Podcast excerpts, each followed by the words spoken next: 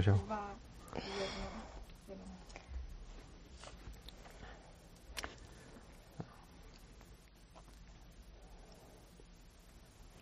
Zdravím vás, vážení diváci. Vítejte u dalšího livestreamu Studia Svobodného přístavu. Uh, doufám, že všechno funguje. A tak tohle bylo blbý, no, třeba zrovna. A já vám chci představit uh, našeho dnešního hosta a to je Sára Klasničková. Ahoj, Sáro. Ahoj, ahoj všichni. Sára je moje kamarádka, která se zajímá o sebeřízený vzdělávání, i když vlastně vystudovala klasickou základku a klasický Gimple, který nebyl úplně přívětivý.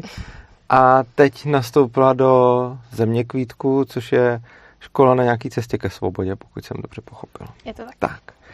A já budu zase klasicky eh, chvilku s váma tady mluvit, eh, než se do toho dáme, protože klasicky lidi chodí pozdě. A budu tady mít nějaký technický sdělení. Takže jestli ti to nevadí, Sára, já budu chvilku mluvit, a chvilku mluvit k divákům. Zaprvé bych vám chtěl říct, že vás vítáme v novém studiu. Uh, ono to studio vypadá velice podobně jako to starý, takže nepozorný divák si ani nemusí všimnout, že je něco nového.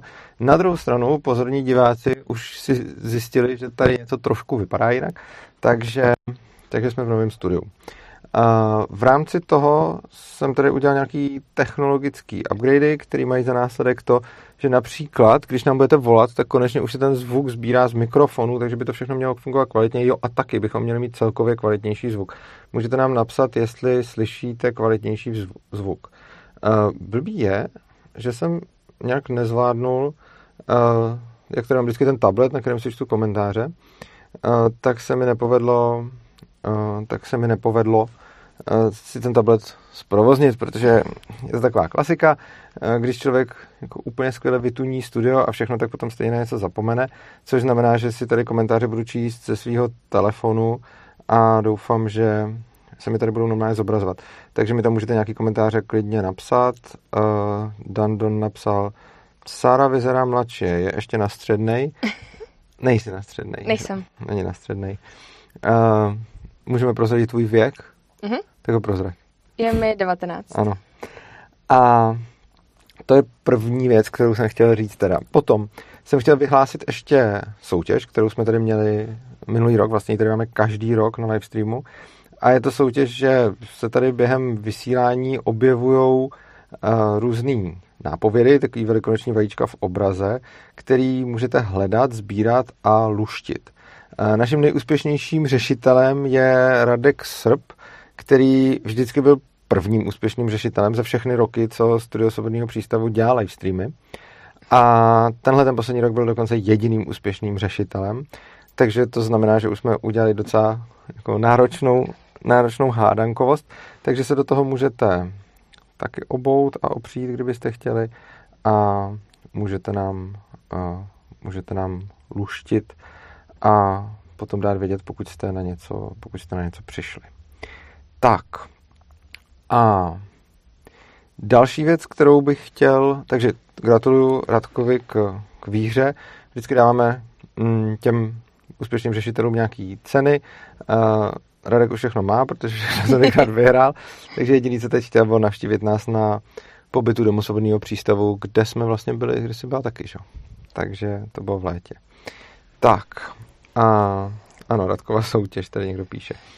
No a poslední věc, kterou bych chtěl ještě říct, než začneme, je uh, taková smutná zpráva ohledně svobodného přístavu a jeho celkového fungování, že uh, my momentálně jsme na tom finančně ne tak dobře, jak bychom si přáli, a to z více důvodů. Jednak máme nějaký neočekávaný výdaje, konkrétně se stalo, že naše studio uh, bylo potřeba přestěhovat, to bylo docela drahý. Dále jsme potřebovali udělat nějaký technologický upgrade, což bylo taky drahý. A za další konference, která už můžu vyhlásit, že bude 24. února, takže si můžete poznačit do kalendářů, ale ještě zatím není zveřejněno téma, který si ještě nechám chvilku pro sebe, tak eh, konference bude v novém prostoru, který je taky dražší, takže spousta věcí se nám zdražila včetně toho, že na některé věci si potřebujeme, si potřebujeme platit lidi. A potom další věc je, že nám trošku klesly příjmy, protože někteří z našich největších přispěvatelů uh, začali v důsledku inflace nebo války na Ukrajině potřebovat svoje finanční zdroje jinde, takže uh, mi píšou, že sice jako zachovávají svoji přízeň svobodného přístavu, ale nemůžou nás podporovat už tak štědře jako dřív. Což znamená, že vás všechny vyzývám, pokud je to ve vašich silách, pokud nás podporujete nebo podporovat chcete, tak eh, teď je ten pravý čas, buď nějaký příspěvek eh, založit, anebo zvýšit to, co posíláte, pokud jste toho schopný a ochotný a chce se vám a dává vám to smysl. Jak to udělat, najdete na adrese opristavu.urza.cz kde najdete způsob, jak nám posílat nějaký každoměsíční donate, což je nejlepší způsob, jak nás podporovat, protože potom jsme schopni s těma financemi nějakým způsobem rozumně nakládat. Já to tady budu asi potom ještě připomínat. Ale to FOBE, ale to FOBE, nebo já nevím, chce to začít čerpat z fondu Evropské unie. Teoreticky bychom mohli získat na náš provoz nějaký dotace, i když jsme vlastně protistátní, tak ale ono bychom se do něčeho vešli, ale my to samozřejmě nechceme, eh, protože chceme hospodařit jenom s penězma, který nám eh, dáte dobrovolně a my určitě nechceme peníze od státu Evropské unie nebo od kohokoliv, kdo vybírá ty peníze od lidí, kteří je platit nechtějí. Eh, než brát takovéhle peníze, tak bychom radši omezili nebo ukončili svoji činnost. Takže vlastně vždycky budeme fungovat pouze a jen z dobrovolných příspěvků. Tak. E, darmoplatný píše, soutěž je nespravedlivá a nerovná, neboť vyhrávají pouze ti, kteří se účastní. E, žádáme demokraticky přerozdělit socialismus na vás. Ano, to je pravda. E, soutěže, soutěž vyhrávají jenom ti, kteří se účastní a ještě navíc ti, kteří se účastní úspěšně a dokáží řešit hádanky. Tak, mezi tím, co jsem tady takhle mluvil na plano, nám tady už pomalu eh, přibyli nějaký lidi, takže my bychom mohli pomalu začít s tématem. Tak, hmm. asi bychom začali tím, že ty si vlastně chodila na klasickou základku a potom na klasický gimpl a nebyla to asi úplně jako procházka růžovým sadem. No, na dvě základky. Uh-huh. Já jsem přestupovala asi v plavně čtvrtý třídy z Montessori do normální základky. Uh-huh. Ale to, že to nebyla procházka růžovým sadem, vnímám až pak na, na Gimplu, uh-huh. kam jsem šla z devítky. Jo. No a k tomu Gimplu se zejména dostaneme. Napřed můžeš třeba povědět něco, jak se směla v Montessori a jaký to pak bylo v přechodu na klasickou základku? Uh, no, v Montessori to bylo fajn. Uh, mně na tom nepřišlo nic moc divného do té doby, než když jsem začala chodit na kroužky s dětma, který chodili na klasické základky a začali mi říkat, že mají známky a já jsem měla jenom slova a žádný známky jsem neměla a způsobilo to to, že jsem je trochu chtěla taky, ale zároveň je to dávno a moc si to nevybavuju. Nicméně uh, i mamka moje a následně i spoustu jako lidí, kteří se mnou do toho moc chodilo, tak se pak postupně domluvili, že teda přejdem, protože měli pocit, že tam nic moc neděláme a více hrajeme a tak, což tak asi jako reálně bylo. Ale... No. Jo, mě zajímají, mě zajímají dvě věci. První, ty si říkala, že si vlastně taky chtěla známky. Eh, byl tam nějaký společenský tlak od těch ostatních dětí, jakože no, jim to já přišlo, jsem, víc? Já jsem je neměla, oni je měli a oni se mohli jako tím pádem, nevím, jestli je správný slovo chlubit, ale mohli se jako mohli říkat, že oni mají ty jedničky a, uh-huh. a když tam někdo řekl, že má trojku, tak uh, ty, co měli jedničky, tak si o sobě za, jako mysleli víc a byli teda lepší a já jsem jako nezapadala nikam, ani do horších, ani do lepších uh-huh. a byla jsem tam tak jako vyčleněná nebo jako stranou. Tak jo. asi tak. Jo, tohle to se, s tím se, to je zajímavé, s tím se někdy setkávají třeba i děti z různých škol, třeba i z Ježka, že když mají kamarády z jiných škol, tak tam občas dochází k takovéhle jako soutěživosti třeba, že ty děcka z těch škol, kde jsou zvyklí na to hodnocení a na to srovnávání, to vlastně dělají potom všude a ty děcka z těch škol, kde se to neděje, to moc nechápou a neznají vlastně. No a ty si říkala zajímavou věc, že jste tam nic moc nedělali a že jste si jako hráli. A to je vlastně něco, co mně přijde zvláštní, protože ta hra je vlastně to dělání a učení. A ty stejně si to označila takhle, mm-hmm. což je prostě z takového asi zvyku, ne? Protože ty to vidíš... Jo, jo, jo. Navíc jako, uh, já jsem nad tím přemýšlela z pohledu mojí mámy, která to tak určitě brala, že jsme tam no. jako nic moc nedělali. Mm-hmm. Ačkoliv jsme tam dělali spoustu věcí, jenom ne to řízené učení, který jo. asi ona očekávala, no. Jasně. Čili tvojí mamce se potom vlastně nelíbilo, že si jako byla v Montessori, takže tě přeřadila na nějakou jinou základku. No, přešli jsme společně s mýma jako asi nejbližšíma kamarádama, takže to mě to vlastně bylo v celku jedno, pokud se mnou půjdou oni. Uh-huh. Jinak by mě ještě zajímalo, jak se díváš uh, dneska s odstupem na tu Montessori. Jako přijde ti to jako dobrý, super, nebo nějaký nedostatky, nebo... No, jako já jsem teď v takové fázi, že cokoliv jako vystupuje z toho klasického školství mm-hmm. a snaží se to dělat aspoň trochu jinak, tak je za mě super, protože mám pocit, mm-hmm. že je to potřeba a jako cokoliv se za mě počítá. Takže věřím tomu, že je to jako pro někoho cesta a je to pořád za mě lepší cesta než to klasické školství, když ty rodiče mají tolik strachu, že jako nedopustí úplný jako sebeřízení, tak, tak za mě je rozhodně lepší než, než klasické školství. A abych mohla jako vypíchnout něco, co tomu chybí, tak to, to si asi vybavuju moc, moc matně. Mm-hmm. Hodně se mi líbilo, že tam byly trojročí, takže jsem tam jako čerpala z toho, co mi říkali starší a já jsem mohla pomáhat mladším mm-hmm. a nebylo to jako jenom po těch vrstevnicích mých, tak to, to se mi líbilo. Nicméně i v Montessori jsou ty děti vlastně vedený, že jo, k něčemu. Jo. Takže ty učitele vlastně vám zadávají nějaký cíl, který ho máte dosáhnout a je sice trochu na vás, jak to uděláte, ale máte tam vlastně zadání, čili to není sebeřízený, ale jo. jo.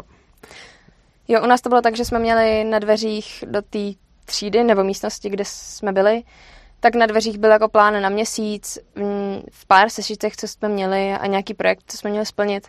A to jsme mm-hmm. za ten měsíc měli udělat. Jasně. A já jsem to vždycky měla hotový třeba za týden, protože jsem to dělala i doma, protože jsem to chtěla dělat. A, mm-hmm. a i to se mojí mámě nelíbilo, že měla teda potom pocit, že zbytek toho měsíce se tam flákám. A... Jo.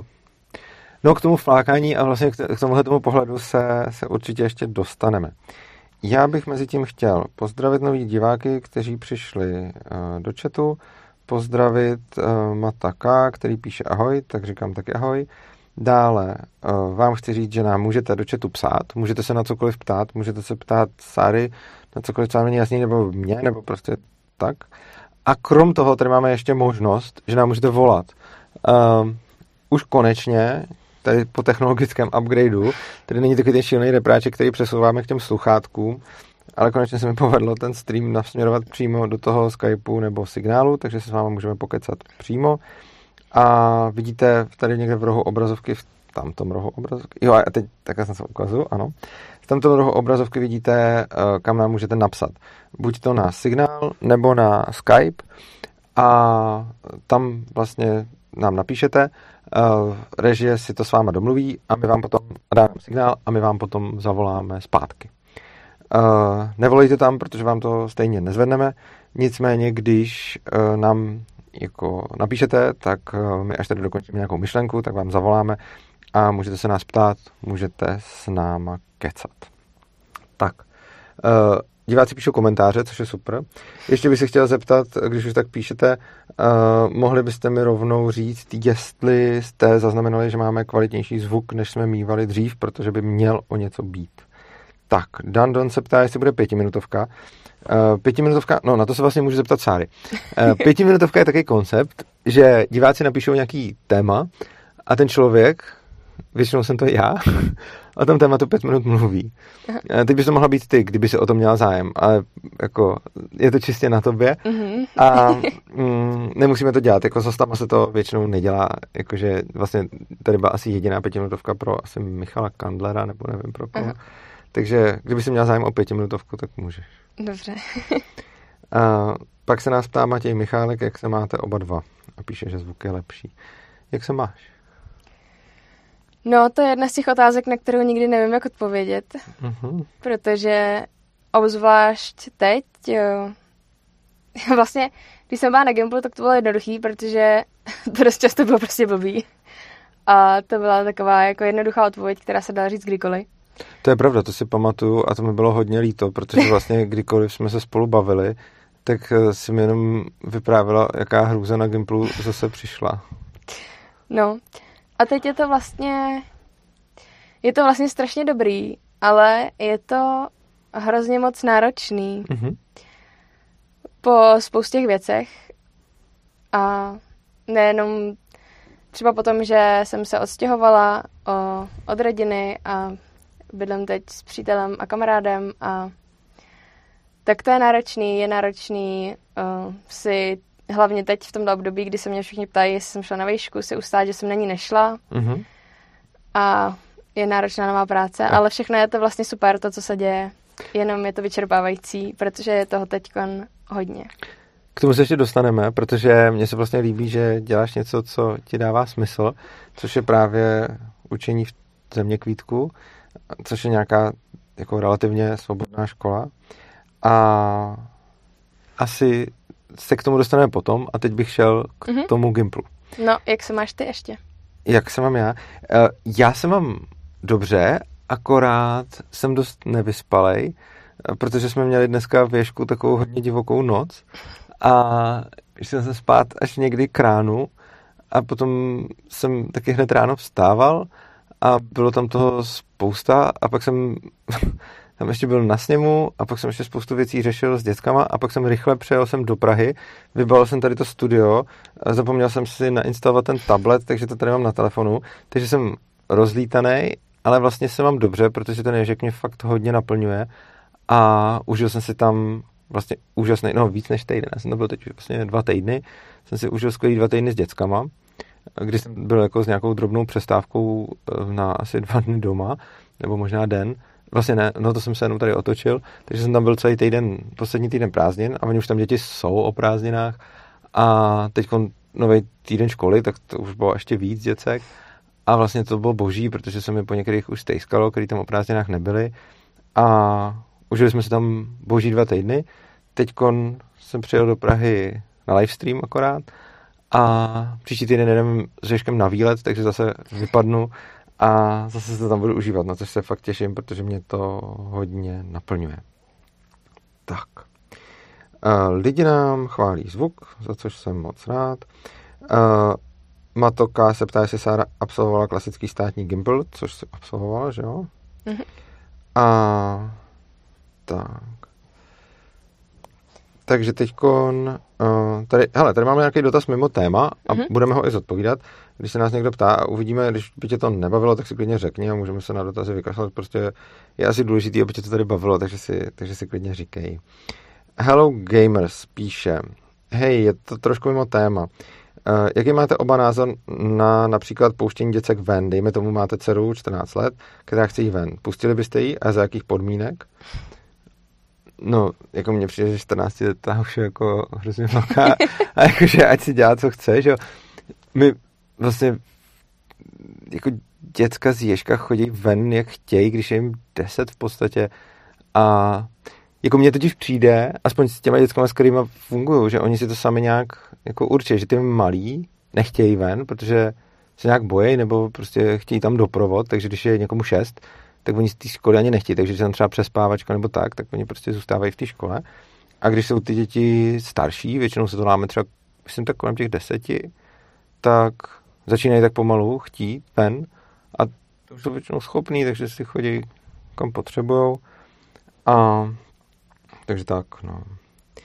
A, co ty? Si jako já, já tam chápu ten dotaz asi z hlediska toho, že ten rodič má asi strach. Já nad tím, jako sama nad tím občas přemýšlím, když jdu uh, jako večer po Praze třeba a tak se, tak se bojím pořád na nějakých místech, v metru a tak. Na druhou stranu, když si vzpomenu na sebe, tak, tak ten strach rodičů, který tam měli i oni u mě, tak vlastně mi jako nepomohl v tom se nebát a zároveň mi ale jako nepřesvědčil ani natolik, abych ven nešla, takže, mm-hmm. takže mi to akorát jako dalo víc strachu, jo. který si tam jako já umím vytvořit sama z těch mm-hmm. situací. Takže spíš jako rozhodně bych ji pustila a, a, a nevím, jaký podmínky bych měla určit k tomu, aby mohlo moje dítě ven. Mm-hmm. Asi bych jako jí poprosila, že by mi jako pomohlo s mým strachem. Snažila bych se svůj strach nepřenést na ní ideálně. A pomohlo by mi s mým strachem jí třeba poprosit, aby mi napsala, až dojde na místo, kam jde, nebo, a nebo aby se ozvala, že je v pořádku. Tohle je moc hezký, protože se mi líbí ten přístup, že řekneš, pomohl by mi s mým strachem, protože drtivá většina rodičů řekne, máš být tam nebo tam a nedělej to, protože je to nebezpečný a tím prezentují ten svůj strach jako nějaký objektivní fakt mm-hmm. a mhm. přenášejí ho na to dítě. Yeah. Oproti tomu, ty, když řekneš pomož mi s mým strachem, tak ho pojmenuješ a ty pojmenované emoce se tolik nepřenášejí podvědomě, jako ty nepojmenovaný. Já třeba mám uh, přítelkyni, která když byla malá, tak se o ní šíleně bála mamka a všude jí říkala prostě, když půjdeš ven, tak tě tam někdo přepadne a znásilní, nemůžeš jít v noci venku. A ona se doteď jako bojí chodit v noci venku. Přitom už je dospělá, ale vlastně ten strach v ní ulpěl, protože jako jí to bylo tak často opakováno, že ten strach té máme byl tak silný, že se přenes. Takže mm-hmm. tohle si myslím, že se jako reálně děje. A Hello Gamers doplňuje tu otázku na večer, dejme tomu třeba v Praze. Mm-hmm. No a já jsem odpověděl na Brno a prostě v Praha bych asi viděl tak nějak, Prahu bych viděl tak nějak stejně.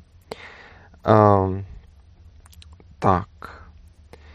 Potom uh, Sugar píše, Urzo, mě si nezmátli, jasně vidím nové studio. Díky, pozornější vidí nové studio. A Alf, Alfe Fobe, nebo Alfe Fob, ale Fob, já jsem špatný ze čtení, se ptá, jestli to byla divoká noc v Láskovně. Uh, ne, to, to divoká noc nebyla v Láskovně, to byla spíš na dvoře a tak nějak všude po škole.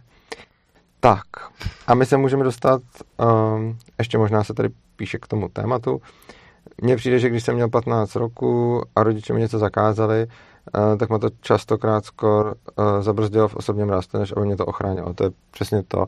Jakože ty zákazy často spíš prostě člověka paralyzujou, než aby, protože ho znejišťují, že jo, než aby mm-hmm. prostě jako ho nějak někam posouvali, takže si myslím, že je dobrý s těma strachama. A já si hlavně myslím, že fakt jako v momentě, kdy ono se to strašně blbě přenáší, protože když máš dítě, který od začátku vedeš a nenecháš ho rozhodovat o sobě, tak ono potom si neumí moc nastavit ty hranice a mhm. odhadnout, co potřebuje právě proto, že prostě jako na to není zvyklý. Ale když máš ty sebeřízené děti, tak já to fakt vidím, že oni prostě jako sami tak nějak vědí, kdy jsou schopní jít ven a vrátit se v pohodě a, a kdy ne. A fakt to poznáš, že to dítě prostě vidí, že ono tam jako nechce a pak tam chtít začne. A přijde že v momentě, kdy tam chtít začne, tak jako maximálně prostě třeba nějak pomůžeš nebo máš nějaký rady nebo něco, ale prostě, že se o sebe nějak jako postará. Tak. Um, dobrá. Tady se komentuje studio, že je nový, to skutečně je. Tak. A teď uh, můžeme se dostat asi od komentářů dál ke gymnáziu. Pověděla bys mi, jaký to bylo, když jsi nastupovala na gymnázium, jak, co se všechno stalo, jaký to tam pak bylo, jaký to, jak na to působilo? No, tak uh, ta volba gymnázium byla, protože doma nějak jako vyhodnotili, že že jsem studijní typ, protože jsem prostě nějak jako nosila jedničky potom z té druhé základky. Ale já už jsem se celkem, celkem hodně rychle jsem se jako na základce naučila opisovat a sednout si ke správným lidem. Mm-hmm. Takže ty jedničky se nosila celkem jednoduše a nikdy jsem jako doma netrávila čas učením. No, jenom, že jsem jako nevěděla potom z devítky, co bych chtěla dělat a kam bych chtěla jít. Takže teda vzešlo z toho, že to bude Gimple. A já jsem teda aspoň jako hledala nějaký jako jednodušší gameplay a našla jsem ten, na který jsem teda potom nastoupila a to jako humanitní gymnázium uh, se zaměřením na hudebku.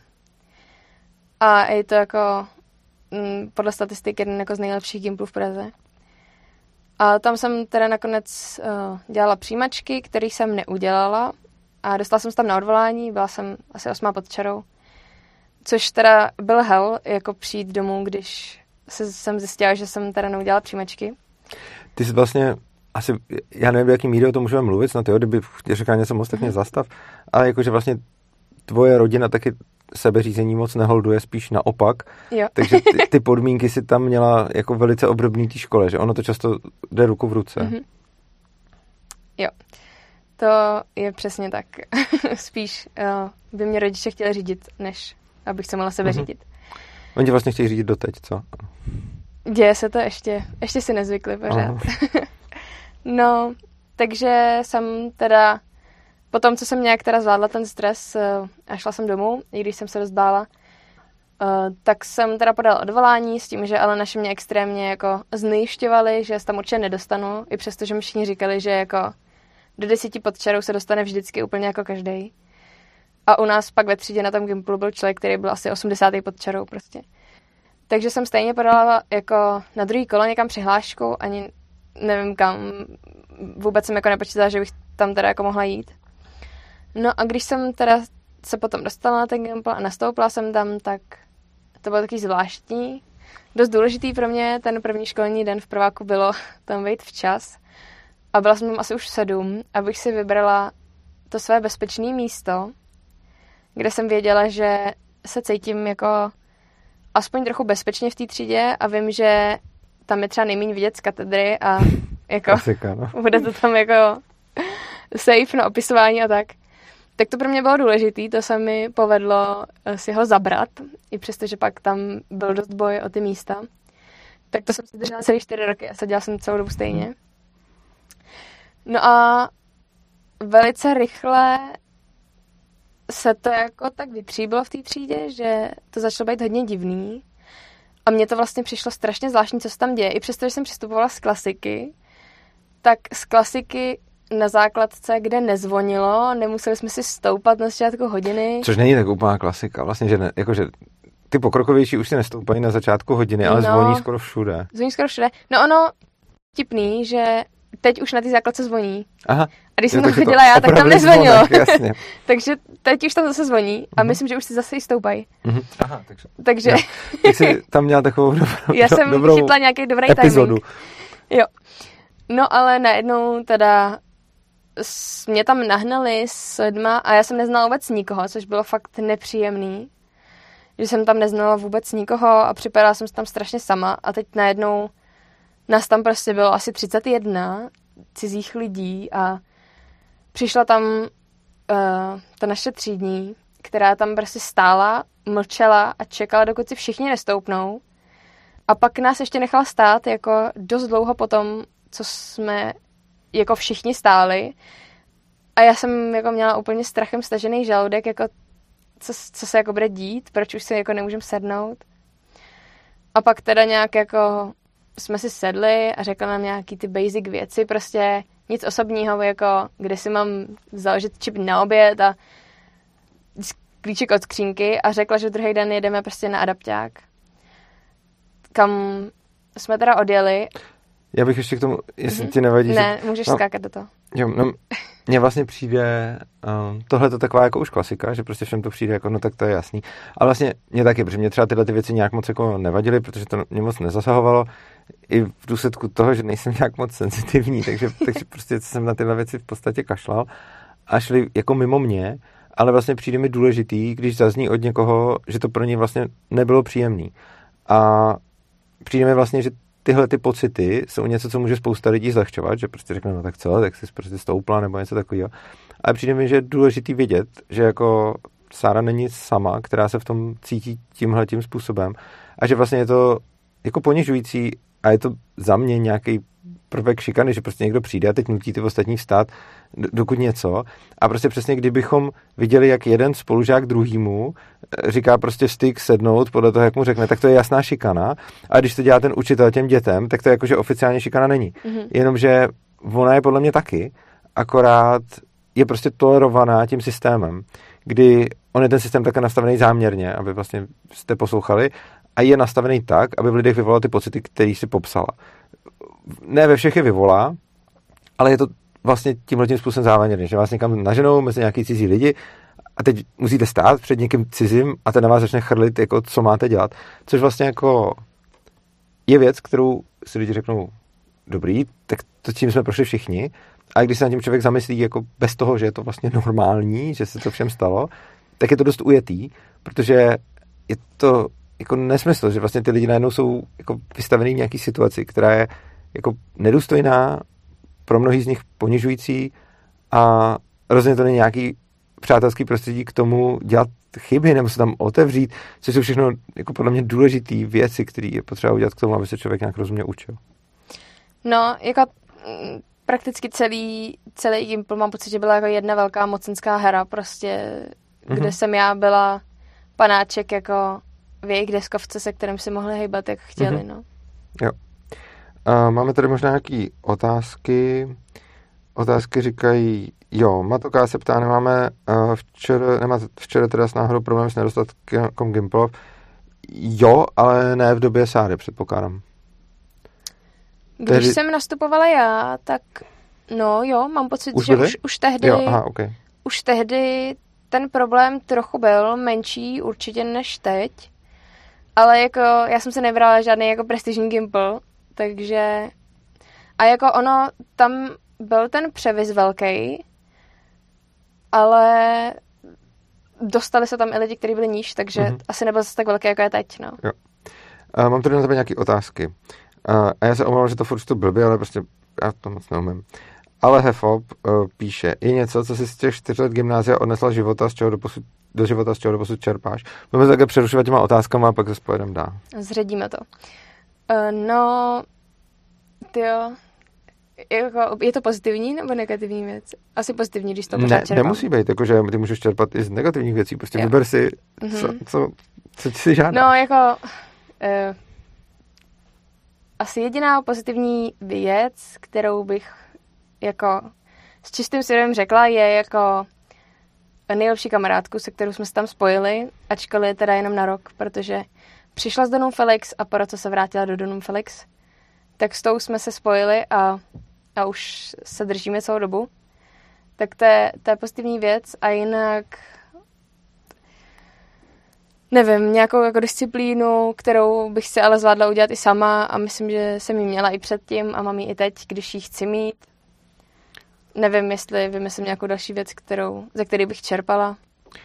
No, já to vidím i spoustu jako disciplíny, kterou nechceš mít no, úplně a kterou jo. tam stejně máš a který se zbavuješ. Jo. No, a pak se tě tady ptá Matoka, chystá se Sára i na Vysoku? Sára Sára vysokou nezavrhuje, s tím, že na ní teď nešla a, a nešla na ní, protože nenašla žádnou, na kterou být chtěla, protože mi dává smysl a tuším, že pravděpodobně můj život se tak asi zhruba bude točit okolo dětí. A tím pádem mi tam jako vystává na mysl peďák, ale mm-hmm. to smysl právě nedává. takže, takže proto jsme na výšku nešla a a taky proto, že prostě jsem si chtěla dát velkou pauzu a hodně se ulevit od toho, mm-hmm. co jsem teď jako za ty čtyři roky zažila. A Jasně. rozhodně jsem do toho nechtěla jít znovu a nevím, jestli se na to někdy vrátím. Nezavrhuju to, ale myslím, že spíš ne. Mm-hmm. Dobře, děkuji ti. A potom tady máme otázku, to mě zajímá, co na ní řekneš. Já na ní mám nějaké. Víc šesták se ptá, jaká je vlastně výhoda v absenci zvolnění, není-li to spojeno s další odchylkou od běžného režimu. Mm-hmm. Tak já bych na to klidně něco řekl a pak řekneš taky? Mm-hmm. Dobře. Uh, no, mně přijde výhoda v absenci zvonění, jako jednak to, co je tam napsáno v té závorce, že to je odpojeno s nějakou odchylkou od běžného režimu. Mm-hmm. Nicméně si myslím, že vlastně on je to jako nějaký nepříjemný zvuk, který jako nějak žene nějaký to stádo lidí něco dělat a je to vlastně jako nějaký signál, na který mají ty lidi poslouchat. A mě, jako krom toho, že je to prostě nepříjemný zvuk douší, který tam jede jako furt dokola, tak to dělá podle mě celý to prostředí takový nějaký jako víc drillovatý a víc takový jako musíš poslouchat.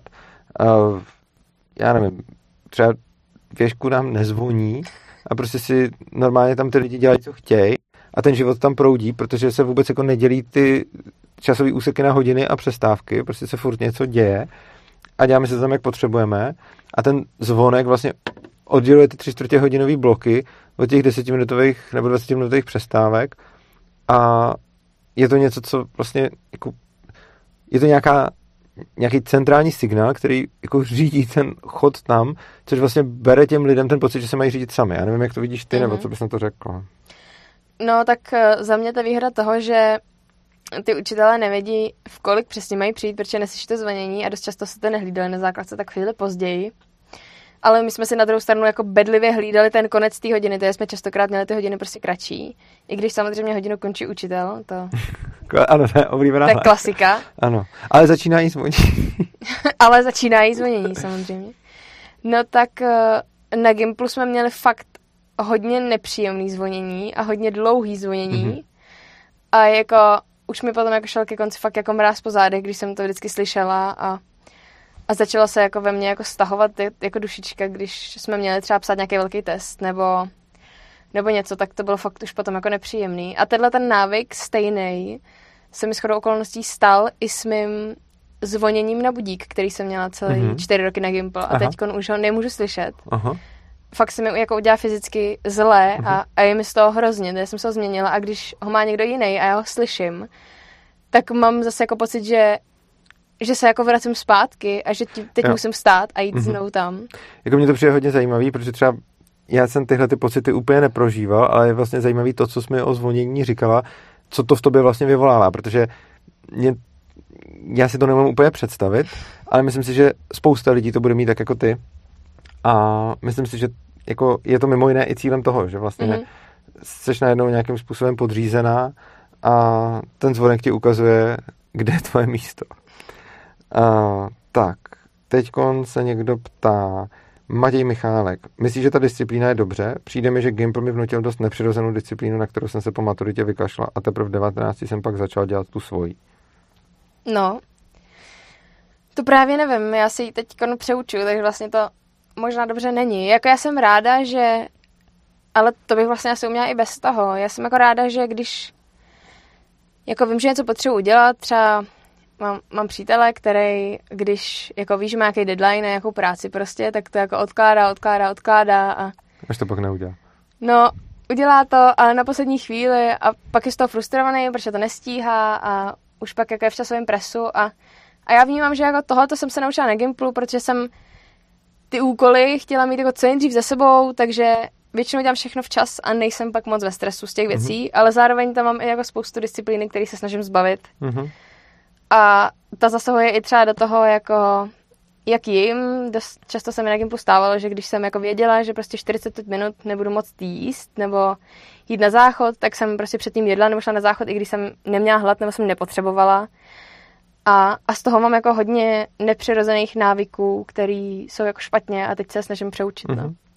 Václav Seč se nás ptá, uměli byste vyjmenovat pět nejzákladnějších věcí, které kdyby se změnily ve státním školství, tak by to byl krok správným směrem. Dáme je spolu?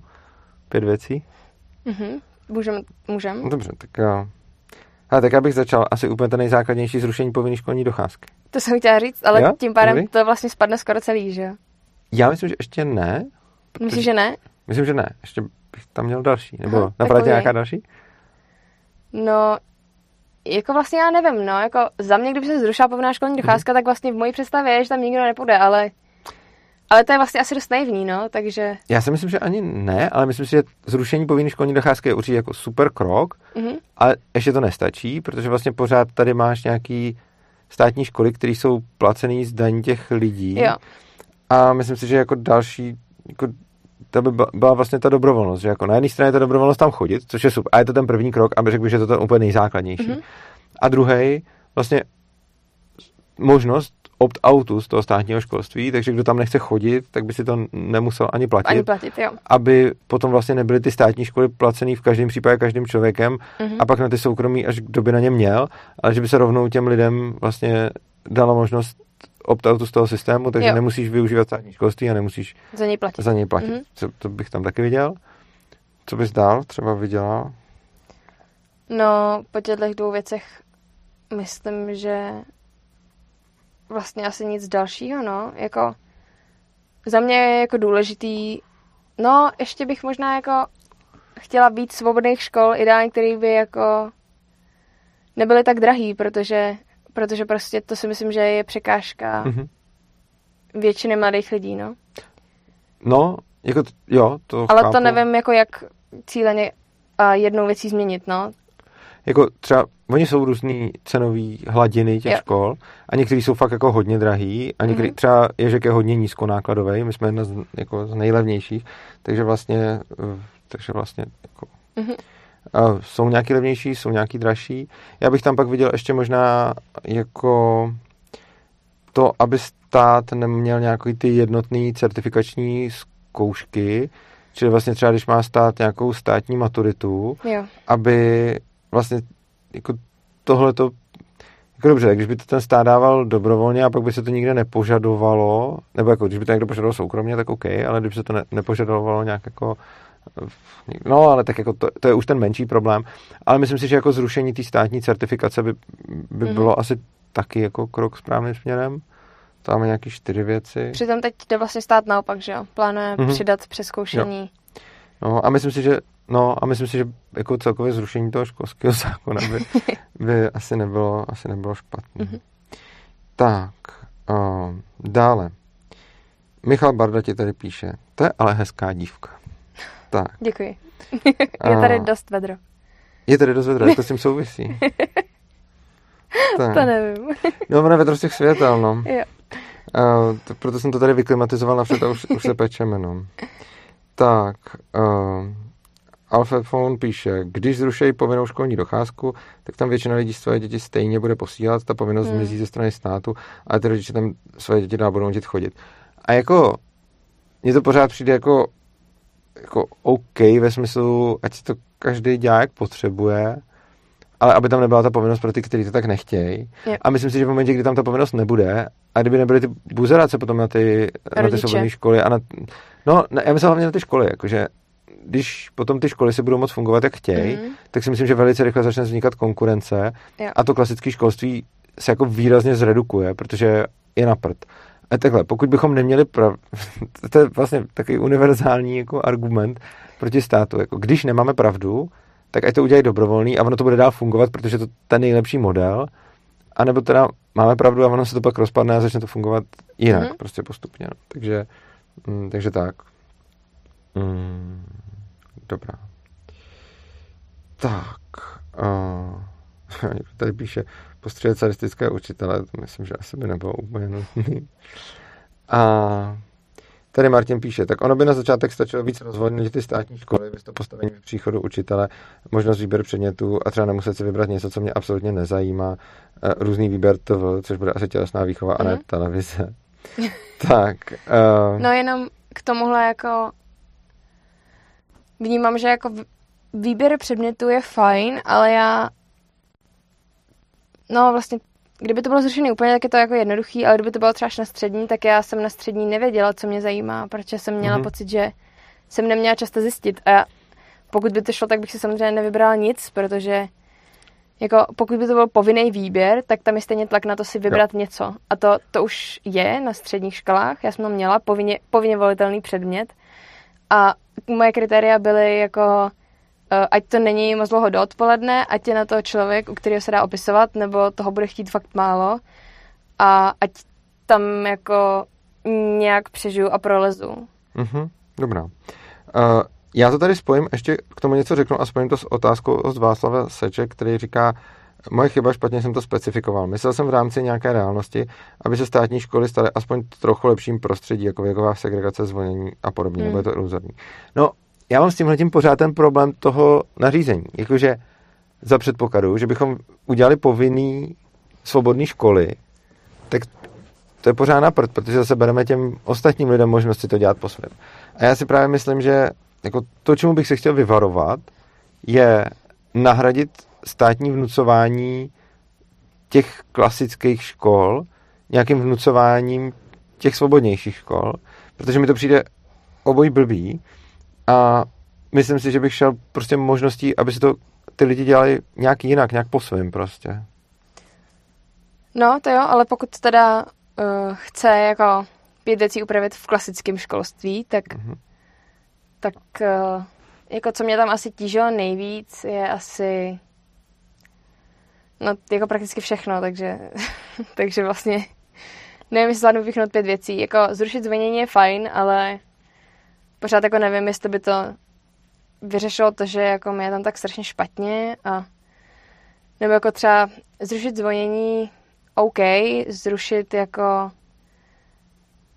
což vlastně není zakázaný, ale dost učitelů jako mě třeba nepouštěl na záchod, tak třeba pouštět lidi na záchod, když se o to řeknou, nebo ideálně se vůbec nemuset ptát a odůvodňovat to a, a jíst, kdy člověk chce a tak se muset dovolovat.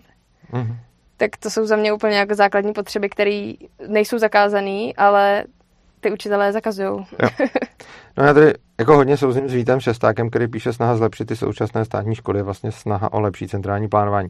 Jo, jako myslím si, že tohle je ten hlavní problém toho, že vlastně jako ten současný systém má problém hlavní v té nedobrovolnosti a když ho jako víc zaobalíme, aby byl nějak hezký, tak to sice může na jedné straně pomoct, třeba jak říká Sára, prostě v čem by se cítila líp, ale je tam přesně ten problém, že zase někdo jiný by se v tom mohl cítit hůř a to je přesně ten problém těch univerzálních řešení. Yeah. A tím se dostáváme vlastně dál k, k tvýmu Gimplu. A ještě než to řeknu, tak divákům uh, chci říct, tady najdete uh, možnost, jak nás můžete kontaktovat. Uh, můžete nám napsat na signál, můžete nám napsat na Skype, my vám zavoláme zpátky a můžete se tady se Sárou popovídat živě. A uh, to je jedna věc. A další věc, můžete nám psát do chatu a tam si s náma povídat. Tak, to pokračuj. Se děje. To se děje, no. Super. Ale já to potřebuji říct, víš. Kdyby to někdo nevěděl. Uh, tak teď pokračuj dál, vlastně, jak se na tom Gimplu cítila, říkala jsi ten začátek, když tam přišla, mm-hmm. a co se tam potom všechno dělo? No, já vůbec nevím, co jako vypíchnout, protože ono je to vlastně jako normální mezi těma normálníma lidma, nevím, jak to říct, a nevím, jaká je definice toho, kde je normální, ale jako toho státního školství, tak tam je to asi normální, ale byly to jako drobnosti, které prostě potom tu skládačku toho celého Gimplu pro mě udělali úplně hroznou, jako třeba zakazování chodit na záchod prostě, který jako nedělali všichni učitelé, ale, ale většina, většina jo, nebo to, že jsem prostě se nemohla najíst, když jsem jako chtěla a chápu, že jako oni nechtěli být rušeni, ale, ale abych se zvládla najíst, když jsem měla velký hlad, i tak, abych jako nenarušila výuku. No samozřejmě, jakože my jsme taky nesměli jíst a, a bylo to bráno, jakože samozřejmě, že tam nebudeš jíst, ale přesně říkám si jako proč, čemu to vadí. A jo, mně se vlastně líbí, že tam vnímáš tyhle ty věci a pamatuju si, že naposledy, když si mi, no, my jsme se se Sárou vlastně o jejím Gimplu hodně povídali, když tam ještě byla. A to si pamatuju, když, já nevím, kolik ti bylo, 17, 18, když jsi mi právě psala, tak trochu zoufala, že ti, že prostě se ti chce na záchod, sedíš ve třídě a že ti prostě zakazuje učitelka na ten záchod odejít a že jsi si ji prostě jako slušně ptala a já jsem, nevím, jestli můžu říct, že jsme poslal tu nahrávku toho. Jo, no, no. Můžeš, můžeš. Takže že prostě si to vlastně nahrála, co se tam stalo a já jsem to slyšel, já jsem se to dost hrozil, když prostě Sára se tam úplně jako slušně ptala té učitelky, že fakt potřebuje na záchod a ta učitelka jí prostě seřvala, jako si tady budeš. A mně to přijde jako, mně to přijde dost hrozný, a je zajímavý, že pro spoustu lidí to přijde hrozný, když se to děje, já nevím, kolik ti bylo, 17, 18 v té době. No mě už právě bylo 18, já jsem ještě k no. tomu byla i dospělá. Jo. No, ale jako, když se to děje 18 letýmu člověku, tak spousta lidí si řekne, to je hrozný. Mně to teda přijde hrozný, když se to děje 6 letýmu člověku, jo. protože mi to jako vlastně úplně stejný.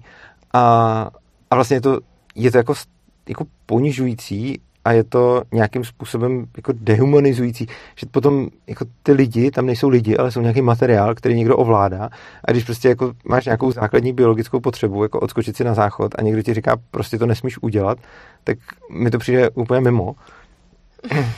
No.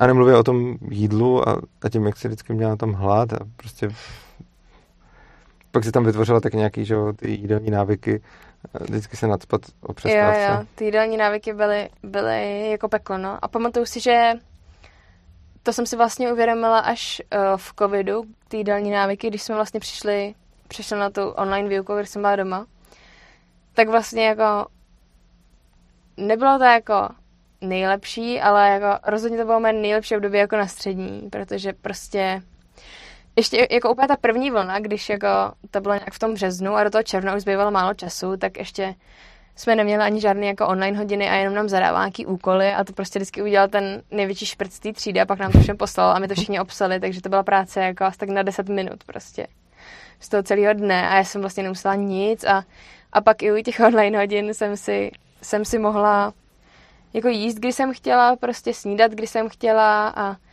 jíst během toho a vlastně jsem jedla o hodně míň a mnohem víc jako vědomně a nebyla jsem od toho odpojená a věděla jsem, co jim a jako bylo mi v tom fakt mnohem líp a pak jsem se zase vrátila do školy a velice rychle mě zase stáhlo zpátky, kdy jsem prostě měla strach. Ještě když byly taky ty dvouhodinovky, že nevím, jsme měli třeba dvě češtiny za sebou, tak jako ta učitelka teda řekla, že nebudeme mít tu přestávku v půlce a pak prostě skončíme o 10 minut dřív, tak to byl vlastně ještě delší čas toho si nedojít na záchod nebo se nenajíst. Mm-hmm. Tak to už jako vnímám, že byl fakt stres a nebyl to stres jenom pro mě. Vím, že když začal zvonit na tu dvouhodinovku, tak jako většina holek ze tříd prostě šla hromadě na záchod, jako, protože jsme viděli, že pak prostě nebudeme moc jít. Ale nikomu to vlastně nepřišlo divný, jako, a když jsem jim říkala, jako, že mi to nepřijde v pohodě, tak mi jako řekli, no tak to víme, že nebudeme moc, tak si dojdeme jako teď a mhm. přišlo mm-hmm. jim to prostě v pořádku. Mm-hmm. No jasně, tak protože ono si na všechno zvykneš. Ono, když tě dají do vězení, tak si taky zvykneš na tamní poměry a člověk se vlastně velice snadno zvykne na, na každý prostředí a pak už mu to ani nepřijde. A mně se vlastně hodně líbí, že to by to jako pořád připadalo. Mně to vlastně přišlo jako hodně fascinující se s tebou o tom bavit, že si poukazoval na spoustu věcí, na které třeba i já jsem si v té době zvyk. Jako mě tolik nevadily a hlavně jsem si tam stejně dělal dost, co jsem chtěl. A na spoustu těch věcí jsem si prostě zvyknul, protože to tak bylo normální. Hmm. A vlastně přijde mi, že máš takovou jako unikátní schopnost si na ty věci nezvyknout, protože ti vlastně celou tu dobu, co si v nich byla, připadaly furt stejně blbý. No a ještě se to vlastně stupňovalo. Ty lidi, některý si na to zvykali a přišli jim to normálnější a u mě jako to bylo horší a horší a vím, že ten čtvrtý ročník už byl jako fakt fakt jako velký peklo a hodně jako to bylo náročný pro mě, ačkoliv už jsem jako tam měla tu viděnu, že to skončí brzo, tak pak ty poslední týdny ve škole jsem měla pocit, že se jako neskutečně táhnou a že to jako uh-huh. už zkouší moji trpělivost. Uh, mě to připomnělo, že tady možná trochu zodpověděla dotaz, který položil Michal Jedlička. Uh-huh. Mě by zajímalo, jestli mají stejný názor i její bývalí spolužáci. Uh, jak to vnímal její kolektiv ve třídě? Ty tam taky říkal vlastně o těch ostatních, on se na to zeptal, tak se to tak hezky sešlo. No, já jsem si tam jako našla, ono se to velice rychle, už jako v prvních pár dnech ve škole rozskupinkovalo.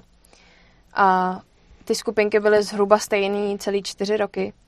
A v té mojí skupince jsem se jako snažila tam jako vysvětlovat, proč mi to nepřijde normální a a mám pocit, že jako ono to dává smysl těm lidem, když potom s nimi o tom mluvíte.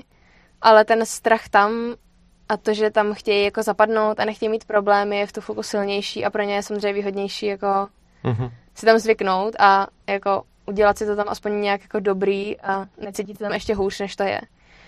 Ale v té mojí skupince jsme se o tom jako bavili hodně a diskutovali jsme o tom a, a vedli jsme tam o tom debaty, ale jako myslím, že jinak to lidem ve třídě, zrovna to chození na záchod a to jídlo jim přišlo asi normální.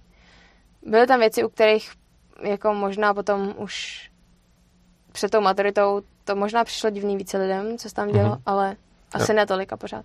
Mm-hmm. Uh, Fiala je piča, a to nejsem zprostej, to je křesní jméno Fiala a příjmení je piča. Uh, tak se ptá, uh, stalo se někdy, že jste nechtěla ten daný do školy a pokud ano, jak jste to řešila? Rodiče byli v tomto na vaší straně? Stalo se mi to asi tak jako každý den. a rodiče nebyli na mojí straně, protože je to škola a do školy se chodí a do školy se vstává a, a je to tak. Jediný, v čem byli občas fakt eh, jako malinko na mojí straně, bylo to, že uh, to, proč jsem si jako vybrala humanitní Gimpl s hudebkou, uh, bylo taky proto, že už na základce mi hodně nešla chemie a fakt jsem nesnášela chemii tak jsem si říkala, že humanitní gimbal nebude takový důraz na chemii, matiku a tady ty věci. No, nicméně jako na Gimplu jsem propadala z chemie a z matiky. Tak jako občas se mi, ono jako v tom, tím, že polovinu prváku a celý druhák jsem byla doma, tak jsem do té školy nemusela chodit, takže to bylo výhodný. A ten třetíák a čtvrták, uh, tam jako Občas se mi je podařilo přesvědčit tím stylem, že třeba jsem tam měla z chemie průměr 4,2 a řekla jsem jim, že prostě píšu test, který neumím úplně na rovinu a že tam prostě jít nemůžu, pokud nechtějí, abych propadla a že prostě potřebuji psat omluvenku a že mi prostě zbytek tři řekne otázky a já to pak napíšu třeba na trojku nebo aspoň na čtyřku a nebude to pětka, která by to byla, kdybych tam šla. Tak to se mi párkrát, párkrát se mi to povedlo, ale fakt většinou těsně před poletím, když se rodiče báli, že propadnu.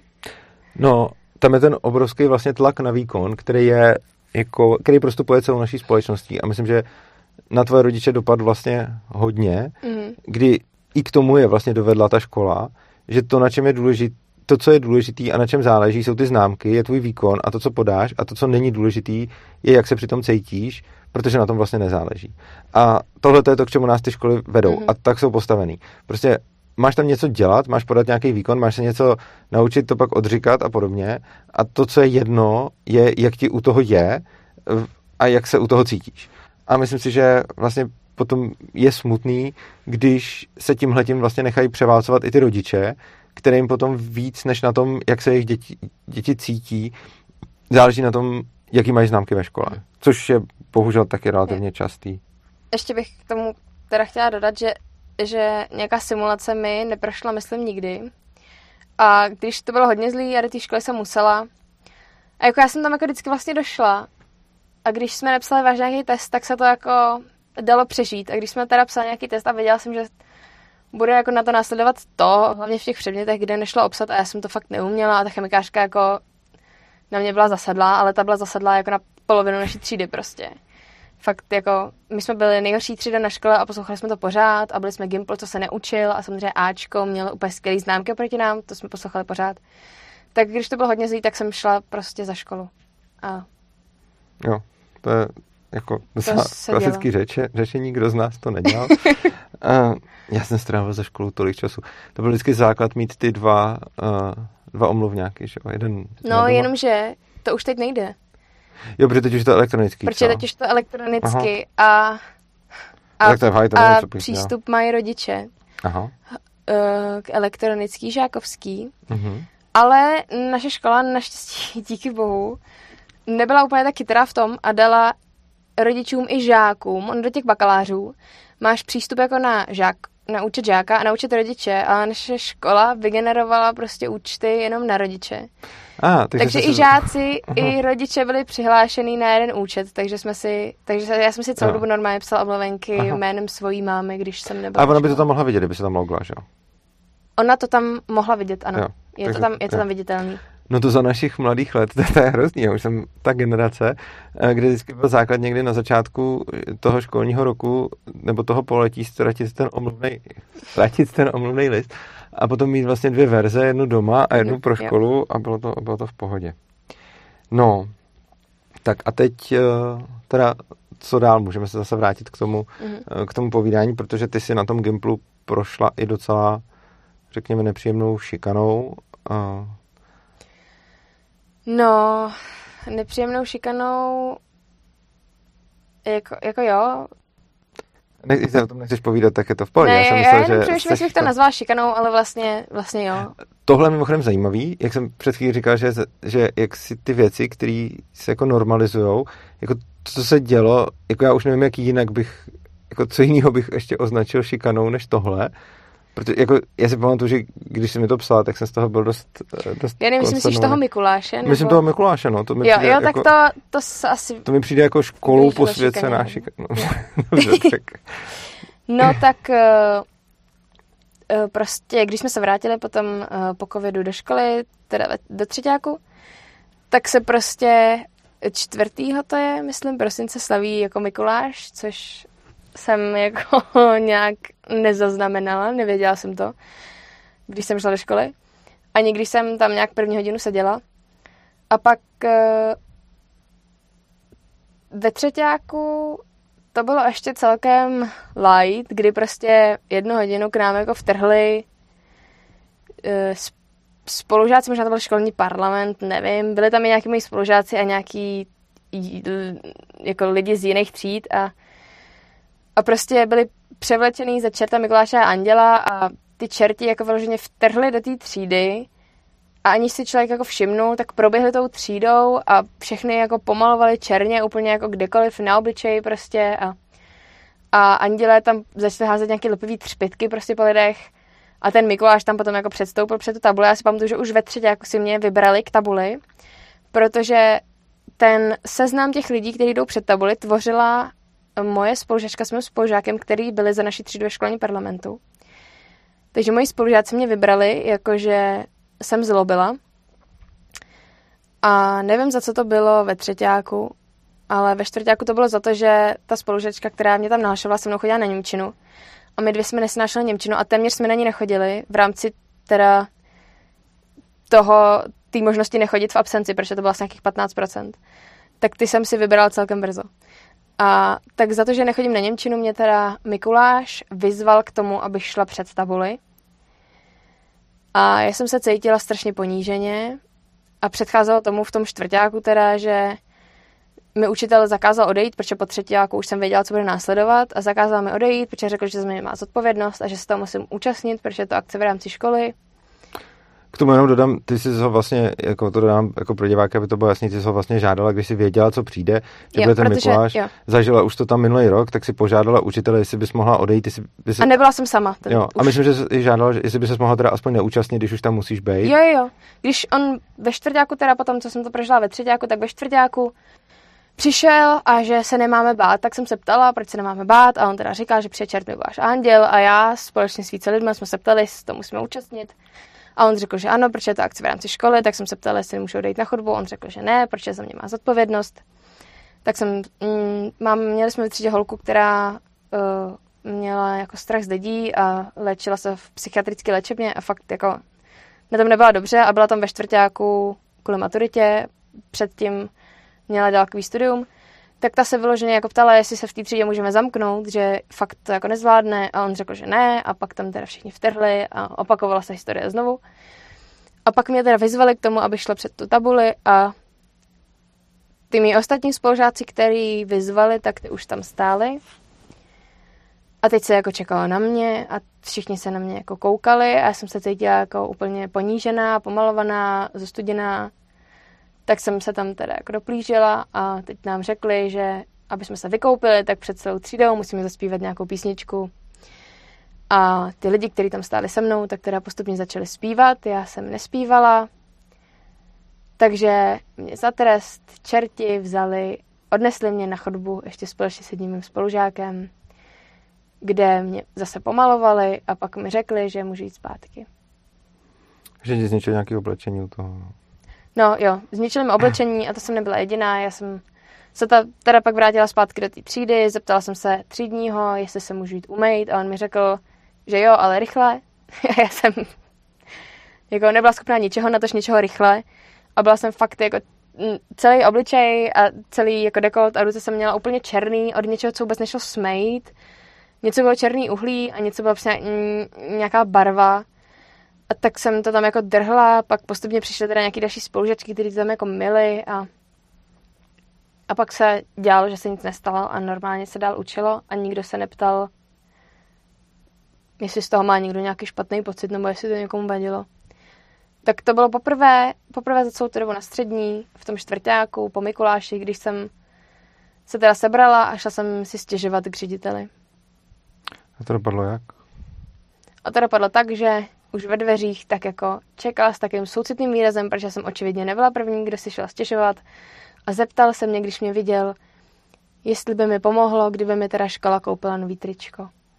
Tak jsem řekla, že mi o to vůbec nejde, že si myslím, že to vypadá a že je mi to jako v celku jedno, ale že bych chtěla, aby se to neopakovalo, protože vím, že stížnosti byly už loni, i když ten předchozí rok jsem se nestěžovala já, ale vím, že byly. A on teda řekl, že to řekne ve školním parlamentu a že z toho bude nějaký výstup, který pak studenti dozví. A nestalo se vůbec nic. A pomalování a zasahování do osobního prostoru se teda potom opakovalo znovu na našem posledním zvonění. No, takže to je prostě ukázka toho, kam může zajít. Vlastně on je to takový Stanfordský experiment, prostě když jako ty lidi jsou daný do nějakého prostředí, kde jsou třeba ve vězení, nebo v té škole, nebo prostě někde někde má tu, někdo má tu moc nad těma ostatníma, tak prostě jako má tu tendenci tu moc zneužívat a potom si vymýšlejí takové věci, že vlastně těžko říct, do jaký míry chápou ti, kdo to dělají, jak moc to může být pro někoho ubližující nebo ponižující. A vlastně jako přijde mi, že jako něco takového, že se jako zažívá na školách a že je to vlastně posvěcený jako tou institucí, že to není jako, že by jako tě tam šikanovala jako parta nějakých spolužáků, ale že prostě ta instituce vymyslí tohle a pak to ještě pokraje a pak se to opakuje každý hmm. rok i navzdory stížnostem, tak to mi přijde dost hrozný. A pamatuju si, že když jsem mi to psala, tak jsem z toho byl hodně, hodně mimo. No. Pak se ještě ty fotky vyvěsily na stránky školy a na školní sociální sítě samozřejmě. A, a ono, myslím, Počkej, ty fotky, jak se tam byla Ne, ne, ne, ty fotky, že se jako vůbec konala ta akce a někdo pomluvený tam určitě byl, já ne. Mm-hmm. Uh, ono jako když člověk jede zhruba v kolem té druhé až čtvrtý Prahou, pražskýma tramvajema, v den, kdy je Mikuláš a v den, kdy je poslední zvonění maturantu, tak si může všimnout, že jezdí jako ušpiněný a pomalovaný lidi, takže vím, že tohle se neděje jako jenom na tady té jedné ojedinělé škole, ale jako mm-hmm. děje se to normálně na více školách, na více gimplech a asi to všem přijde v pořádku. Nevím. Já jsem omlouvám, jsem z toho teď zase znovu nějaký trochu rozhozený. Pardon. A chtěl bych se tady, jo, já jsem trochu mimo, chtěl jsem, tady se někdo totiž ptal, mm-hmm. něco, co jsem chtěl, mm, jo. Tady byl, jo, Martin se ptá, to byl nějaký hodně divný Gimple i na české poměry, ne? Tak se tě chci zeptat, jestli jako chceš udělat reklamu a říct Gimple, nebo jestli ho necháme anonymní? Uh... Je to na tobě. Uh, myslím, že ho nemusíme dělat anonymní. Uh... Zároveň jako neuděláme nějak extra dobře, když díky tomu, že tady řeknu, tam bude méně lidí, jako... No já bych řekl, to spíš kvůli těm lidem, víš? No, jako, že, jo, aby věděli, co je tam Bylo čeká. to uh, Gymnázium Evropská na Praze 6. Uh-huh. Takže... Je to známější spíš jako peďák střední. Uh-huh. Byl tam peďák v té budově s náma. Takže pokud koukají rodiče, tak pokud se chcete tomu tomu vyhnout, tak víte, kam nedat své dítě. Protože mě tohle to přijde důležité. Jako já nechci jako nějak škodit té škole, to je mi jedno, ale prostě uh-huh. přijde mi dobrý, aby lidi nemuseli zažívat tohle, i když jako je otázka, jak moc se tomu jinde No vyvalujou. já jako vím od svých kamarádek z jiných i pražských gimplů, i normálních středních, že se, nevím jestli vlastně, oni to asi nebrali jako šikanu, ale vím, že jako v nějaký míře se to děje mm. i na jiných školách, ne, nejenom na téhle. Ale TFOP právě píše, že to není ojedinělý, jen se to mm. všude zametá pod koberec a nikdo to neřeší. Je to Já jako nevím, u nás se, jako je pravda, že u nás se dělaly taky nějaký, hlavně ty poslední zvonění, nedělali se myslím Mikulášové, hmm. ale taky bylo běžné, že člověk musel třeba zaplatit, uh, aby se dostal do školy jo, nebo do něčím zlitej. Mm-hmm. Uh, což já si třeba pamatuju, že tehdy, a já jsem jako je to tím, že jsem přesně tyhle ty věci moc jako neřešil a potom prostě mně přišlo docela vtipný nechat se tam někde zlejt a pak jsem tam na ně naběh a ještě jsem je zlil taky. Takže jako většinou mě, mě tohle nevadilo, ale vlastně potom jako vidím, jak moc to může být pro někoho blbý a je, je samozřejmě napřed, že potom jako máš lidi, kterým to nevadí a když si řeknou, haha, to je ale sranda, ale pak máš jiný lidi, kteří tím trpí a je vlastně blbý, že, že nemůžou říct, že nemůžou říct ne. Takže to bylo to. A teď bychom se mohli dostat k maturitě. Mm-hmm. Takže... A nejsou tam nějaké otázky? Uh, otázky, to je dobře, že se tak ptáš. Um, Martin se ptá, jestli si někde musela podepsat, že tě můžou fotit, protože u nich to tak bylo. Ty myslím, že ne.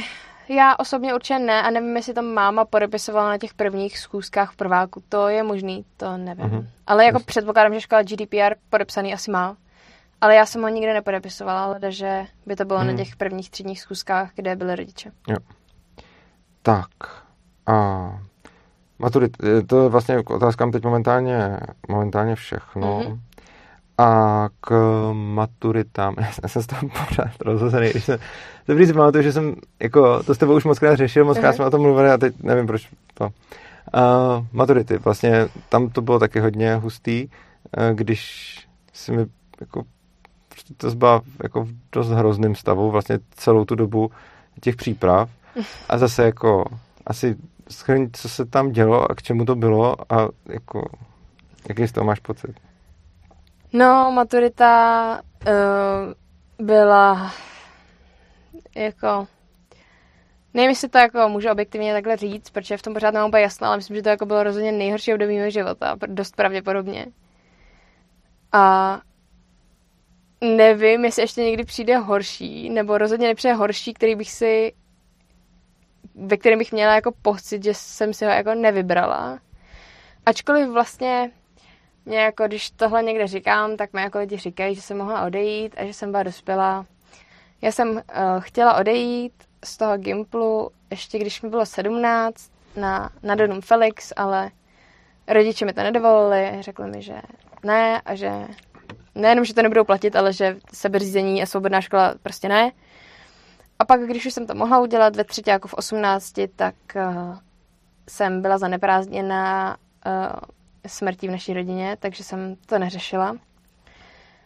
A pak už jsem si jako teda řekla, že to teda jako do studiu, když už teda je, tak že teda... Já jsem tam z toho, jak jsme se o tom bavili a když jsme prostě o tom spoustakrát to probírali tehdy, jako jestli jo, ne a podobně, tak já jsem tam teda z tebe cítil hodně velký ten tlak ze strany té rodiny, mm-hmm. kdy si umím představit, že je to těžký, protože když vlastně ve tvý rodině platí hodně takový silný jako řád a prostě musíš poslouchat od malička, tak potom chápu, že je šíleně těžký se tomu vzepřít, i když vlastně děláš něco, co je ti odporný, kvůli čemu se každý den pomalu pozvracíš a prostě je ti furt blbě. Já si pamatuju, prostě když jsme, jako kdykoliv jsme prostě nějak něco spolu byli před maturitou, tak ti prostě bylo furt blbě a byl si prostě úplně v hajzlu. A... Kromě toho dne, kdy to bylo asi tři dny před maturitou, mm-hmm. kdy mhm. jsme se viděli a byli jsme spolu na pivě. Jo. A tak to už to už jako jsem byla tak jako odevzdaná jo, tomu, že to, že to neudělám. Jo, to je fakt. No. Jo, a, a už zase se vsadil, že to udělám. Já jsem věděl, že to uděláš, protože, protože ty jsi na to neuvěřitelně dřela, byla jsi teda absolutní stresář a věděl jsem, že to jo. uděláš, protože s tím úsilím, který jsem si tomu dala, mi to bylo docela, mi to bylo docela jasný.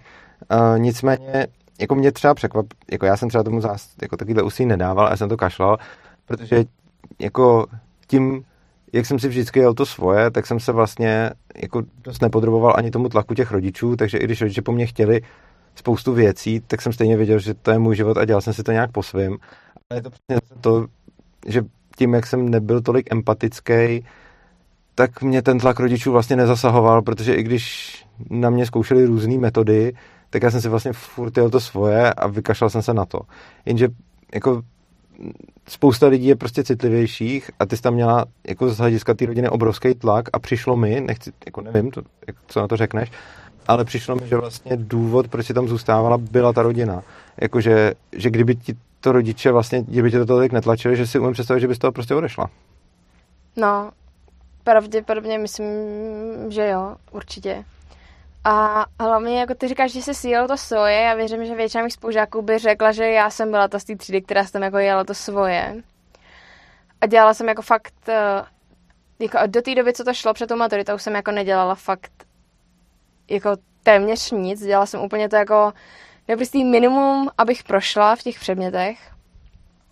A jako průměr 40-45 jsem měla několikrát uh, před uzavíráním známek na vysvědčení a vlastně vždycky to byl strašný stres, protože pak obzvlášť mi chemikářka vždycky říká, že se nemusí jako řídit průměrem, ale i vole, ostatníma věcma prostě a e, osobníma sympatiema. Prostě to tam jako jednou řekla, že známku může jako vyvodit i z osobních sympatií. A já jsem vždycky se jako dlouho modlila, aby jako teda mi dal tu čtyřku. Což se teda povedlo, ale několik lidí uh, u ní propadlo v průběhu těch let. No a takže až do té maturity jsem měla jako pocit, že dělám hodně málo a i, i v tom čtvrtáku jsem dělala jenom to, co jsem musela a začala jsem se učit na maturitu jako úplně poslední ze třídy.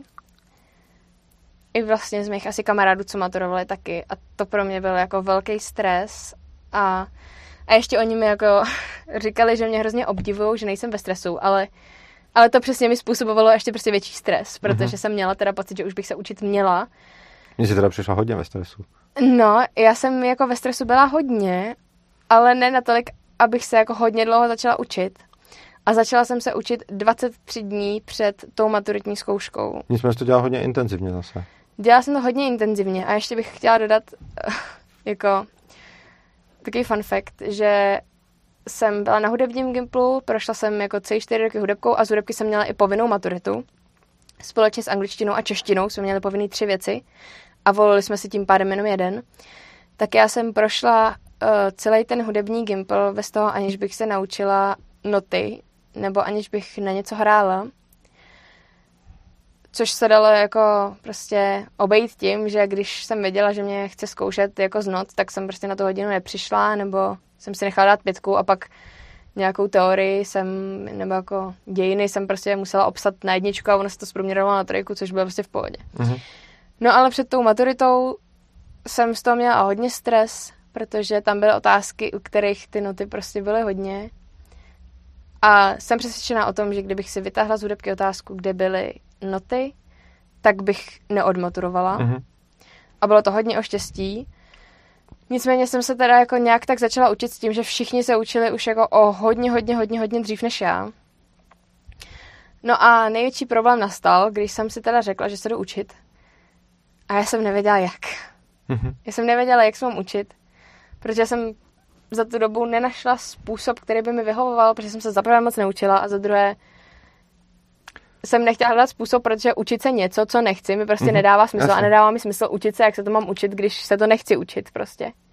Jako tohle je extrémně zajímavý, prostě na tohle to školy kašlou. Prostě oni jako jim nejde o to, aby se naučili nějak efektivně, jim jde o to, aby tam odříkala něco, co nějaký letopočty básničku nebo tvrdý měkký nebo cokoliv, ale jako že by se vůbec soustředili na to, že existují různý způsoby, jak se učit a že by jako to, to je úplný sci-fi. Já jsem se vlastně, až když jsem školu opustil, tak jsem zjistil, jaký jsou metody učení efektivní pro mě a zjistil jsem, že vlastně nejefektivnější učení pro mě je o tom vést diskuzi nebo o tom přednášet a pak se nechat kritizovat lidma, kteří to poslouchají a takhle se vlastně učím nejrychleji. Že jako, a k tomu tak mám internet a tuhle tu práci a vlastně tak žiju celý život, že prostě něco vykopnu a koukám, jak mi všichni napíšou, ty jsi debil, protože a já se z toho něco vyzubu. A tohle je třeba pro mě nejefektivnější metoda učení. Na druhou stranu prostě každý to bude mít úplně jinak a člověk by řekl, že ve škole by třeba bylo fajn jako si to najít, když už něco. Jinak dáme nějaký komentáře tady. Mm-hmm. Petr KL21 říká, pravidlo přestaň by bylo v tomhle uh, užitečné. Bavit se ještě o té šikaně. Jo, pravidlo přestaň bejvá v, prostě třeba v nějakých těch svobodných školách, nebo těch školách, no, které jsou jsem... tak svobodný, jak to lze. Tam jako v moment, kdy tam na mě vletěli čerti a pomalovávali mě, tak jsem říkala stop a myslím, mm. že jsem nebyla jediná, která říkala jako no nemalujte mi na obličej, nechci být pomalovaná, no. ne, mm, budu z toho mít vyrážku na obličej, takových lidí tam bylo spoustu, ale jako nikdo nás neslyšel. Matěj Kubě napíše, já nechápu, proč je to pro ně taková tragédie. No, ono prostě pro někoho nemusí být a pro někoho může. A je to přesně ta věc, že jako Matěj Kubina nemusí chápat, proč tohle to bylo jako tragický pro Sáru, na druhou stranu jako spousta věcí by zase mohla být tragických pro Matěje Kubinu, který by nebyly tragický pro nás. A přijde mi, že přesně jako tohle to je jako nějaká ta, jako nějaký ten smysl toho, proč není dobrý dělat univerzální zřešení vlastně čehokoliv. Mm. Jakože v momentě, kdy se pracuje s lidma, tak neexistuje univerzálně správný řešení, protože ty lidi jsou různý. A pro někoho to tragédie může být, já třeba dost chápu, proč je tohle pro Sáru tragédie, i když pro mě třeba podobné věci kolikrát nebyly, ale myslím, že tomu dost rozumím, ale zase budou jako věci, které budou pro lidi tragický a které jako třeba jako nás se vůbec nebudou týkat. Jo. Takže přijde mi, že přesně jako tahle otázka ukazuje, proč je dobrý, aby vlastně k tomu vzdělávání bylo přistupováno individuálně. A Nexu píše, záleží na kolektivu, naše třída víc šikanovala učitel než mezi sebou, e, což byl vlastně i můj případ. Jakože já si myslím, že když člověk se procházet tím tím vzdělávacím systémem tak je nastavený tak, že musí trpět buď on, anebo budou trpět ty ostatní okolo. A já jsem to třeba měl tak, že jsem prostě, jakože trpěl ty učitelé, abych netrpěl já, což vlastně, jako, tehdy to byla moje jako, strategie, jak tam nějak fungovat. Ty učitelé z toho byli kolikrát jako hodně špatný, ale pro mě to bylo vlastně lepší, než aby to bylo špatný pro mě.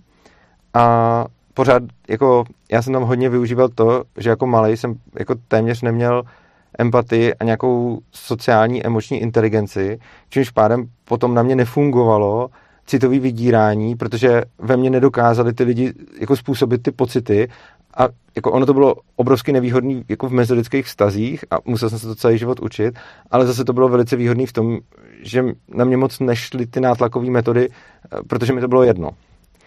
A Prokoper Bulis se ptá, jaké metody na tebe Urzo zkoušeli, aby tě dokopali k něčemu. To se říká rodiče, no, jako všechny možný, prostě zákazy, příkazy, nadávky, ponižování i fyzický násilí, ale jako nefungovalo to, protože jsem na to kašlal v podstatě a dělal jsem si stejně, mm, co jsem chtěl. Tak. Mm-mm. Teď Michal Jedlička píše, to je tím, že si NTP osobnost Urzonu. To je zajímavý, jako jo, jsem něco mezi NTP a NTJ a jako dobrý odhad. A tak, jo, tady někdo, jo, uh-huh. Ano, přesně to tam dál píše. Vrzájem 100% NTP, max NTO. Uh, přesně tak. A já jsem teda spíš NTO, ale tak jako whatever. Tak a teď se můžeme dostat, uh, teď se můžeme dostat dál k té maturitě. Vlastně, co ti ta maturita dala, co ti vzala, přijde mi, že jsi byla jako v obrovském stresu a v obrovském napětí a to ještě dávno předtím, než se začala učit. No předtím, než jsem se začala učit, tak jsem vlastně byla jenom v nějakém stresu, nevím, od nějaký ty půlky toho čtvrtáku, když se maturuje v lednu, tak teda maturuje se v květnu, takže od toho ledna to nějak jako bylo bylo obecně jako hell, protože v lednu teda bylo vysvědčení za první pololetí, ale to druhý pololetí bylo, že jo, mnohem kratší, protože to poslední zvonění právě bylo už nějak v půlce dubna, takže eh, na to uzavření těch klasických známek z těch basic věcí a testů bylo málo času a plus už k tomu ještě ty učitelé jako přidali třeba zkoušení z maturitních otázek a, a věci navíc. Takže toho bylo fakt hodně a zároveň tam bylo jako fakt každodenní, jako vlastně každo, každohodinový stres, kdy jako v nás ten stres jako vyloženě chtěli jako vyvolat a furt se nás jako ptali, kdo už se učí a že už jsme dávno měli a, jo, a kolik máme přečtených knížek, to se ptali pořád. Mm-hmm. S tím, že já jsem teda nepřečetla ani jednu z povinné četby. Takže to, to se ptali pořád. A, a pořád tam jako říkali, že kdo tam bude mít něco, co nečet, tak to poznají a vyhodí tě automaticky prostě a, a, a nepoznali. No, takže... to klasika. no, takže ten, ten stres tam byl a cíleně jsem jako cítila, že ho chtěli a chtěli nás do něj jako dostávat a myslel si, že se tím začneme učit, což se ve většině případů stalo. A to vám jedna učitelka i říkala o tom stresu, to mě, to mě přišlo taky zajímavý. Jo, to nám říkala uh, naše třídní, první dva roky. Po dvou letech už naše třídní nebyla, protože se z ní stala zástupkyně školy. A to nám říkala, že učitelé mají jako za cíl, že se to prostě jako učí na tom pedáku, že nás mají jako cíleně dostávat do stresu a pod tlak, protože potom vydáváme jako ty nejlepší výkony a nejlepší soustředíme a jako dostanou z nás prostě nejvíc. Jako tohle je zajímavý, jako nevím, do kolika se to učí na peďáku, třeba když jsem byl na pedagogickém minulu, tak až takhle hrozný to nebylo, tohle to nám jako tam neříkali. A, ale jako říkali nám tam zase hodně jiných věcí, s kterými jsem dost nesouhlasil, ale zrovna tohle tam naštěstí už nebylo, na druhou stranu já nevím, kolik bylo tý třídní, jestli už třeba jim to neříkali prostě někdy dávno, protože se to taky nějak trochu upgradeuje. Uh, no, hm, nevím, kolem 50 asi jo, může no, být. Tak no. nejspíš prostě je to ještě o nějakou uh, půl generaci dál než já, celou generaci dál než ty, takže potom tam možná měli jako nějaký tyhle jako pravidla prostě dostat žáky pod tlak a do stresu. Což je vlastně přesně jako ten, jako ono se hlavně ukazuje, a o tom často mluví třeba paní Jana Nováčková, že vlastně přesně jako tenhle ten způsob je to, kde se člověk prostě neučí efektivně. Protože když se dostane pod tlak a do stresu, tak se pak bojí dělat chyby a když se bojí dělat chyby, tak to šíleně komplikuje ten proces učení, ke kterému je právě potřeba být v klidu, nebát se chybovat a nestresovat z toho. Já vím, jak jsme spolu řešili hodně ty známky a že, že si právě říkala s tou maturitou, že to pro tebe v tu chvíli bylo jako všechno. A já si pamatuju, jak jsme se bavili o tom, že jsem ti říkal, hele, ono to je fakt jako, vlastně teď to vidíš jako tvůj celý svět, ale za chvíli s nějakým odstupem už to bude vlastně jako jedno a bude to nedůležitý. A ty jsi mi říkal, já vím, ale stejně se z toho nedokážu tyko jako vymanit. Yeah. Což, což je přesně to, že vlastně tě dostanou do jako nějakého jako stavu, který podle mě není jako přirozený ani zdravý a je to spíš nějaká patologie, kdy ten člověk je pod nějakým nesmyslným stresem, který mu jednak ničí organismus, jednak mu ničí sebevědomí a hlavně to není ani efektivní z hlediska toho učení. No, jako já jsem fakt měla pocit, že jako já jsem věděla, že ten stres je jako zbytečný a že je to vlastně kvůli jako hrozně jako píčovině, prostě kvůli maturitě a že za pár týdnů to prostě bude pryč. Ale byl tak velký, že jsem z toho jako nedokázala vystoupit, i když jsem jo. To jako slýchala od lidí, co mě jako podporovali, že jako to přejde a že kvůli tomu tam takový stres být nemusí. Ale prostě hmm. ne, nešlo z toho jako úplně uniknout, no. no. To si pamatuju, že to jsme řešili hodně a no. A tady je hezký komentář Petr KL21 říká, jak říká Jarda Dušek, ať se naučí pracovat ve stresu. No jo, on se to naučí, ale pak to ani jinak neumí. Což je pravda a vlastně já často narážím na jinou věc, ne se stresem, ale to takový to, když jako lidi říkají, no jo, ale na těch, uh, jako v tom sebeřízení se ty děti nenaučej uh, jako dělat něco, co dělat nechtějí. A já říkám, no to je právě super, protože to, co nechci, je naučit je dělat to, co dělat nechtějí, protože potom to budou dělat celý život, to, co dělat hmm. nechtějí. Že? No a teď mi řekni třeba, jako když si tu maturitu udělala nakonec, tak uh, jaký to bylo, jak jsi cítila potom a jako vlastně, když by si měla zhodnotit nějak celou tu školu, co ti vlastně dala a co ti vzala, kdybys to mohla nějak, jestli to vůbec jde takhle shrnout. No, jako když jsem ten den, kdy jsem tu maturitu jako udělala, tak jako já jsem tam to ráno, já jsem maturovala hnedka v pondělí, eh, v tom prvním úplně bloku, což jsem jako taky vnímala jako hrozně nefér rozdělení prostě, protože ty, co maturovali v pátek, měli prostě o tolik dní navíc. Ale zpětně jsem za to byla fakt ráda, protože jako být ještě jako o den, dva díl v tom úplně jako šíleném stavu, kdy fakt jako jsem měla pocit, že jsem jako úplně někdo jiný a jsem úplně odpojená sama od sebe a chovám se úplně jinak, než by bylo vlastně přirozený, protože jsem jako si buduju nějaký jako respektující partnerský vztah prostě a najednou jsem jako měla pocit, že jsem se proměnila v nějakou jako stvůru, která se podobala mojí mámě a jenom jsem jako štěkala okolo sebe a chovala jsem se přesně tak, jak se nikdy nechci chovat. A byla jsem fakt jako úplně zoufalá a jako křičela jsem o pomoc, kterou ale vlastně, když jsem někdo zeptal, co potřebuji, tak jsem jako nebyla schopná říct, co potřebuju, protože jsem to prostě nevěděla. Potřebovala jsem z toho jako utéct a vysvobodit, ale to nešlo, ani mě samotný z toho jako nešlo odejít.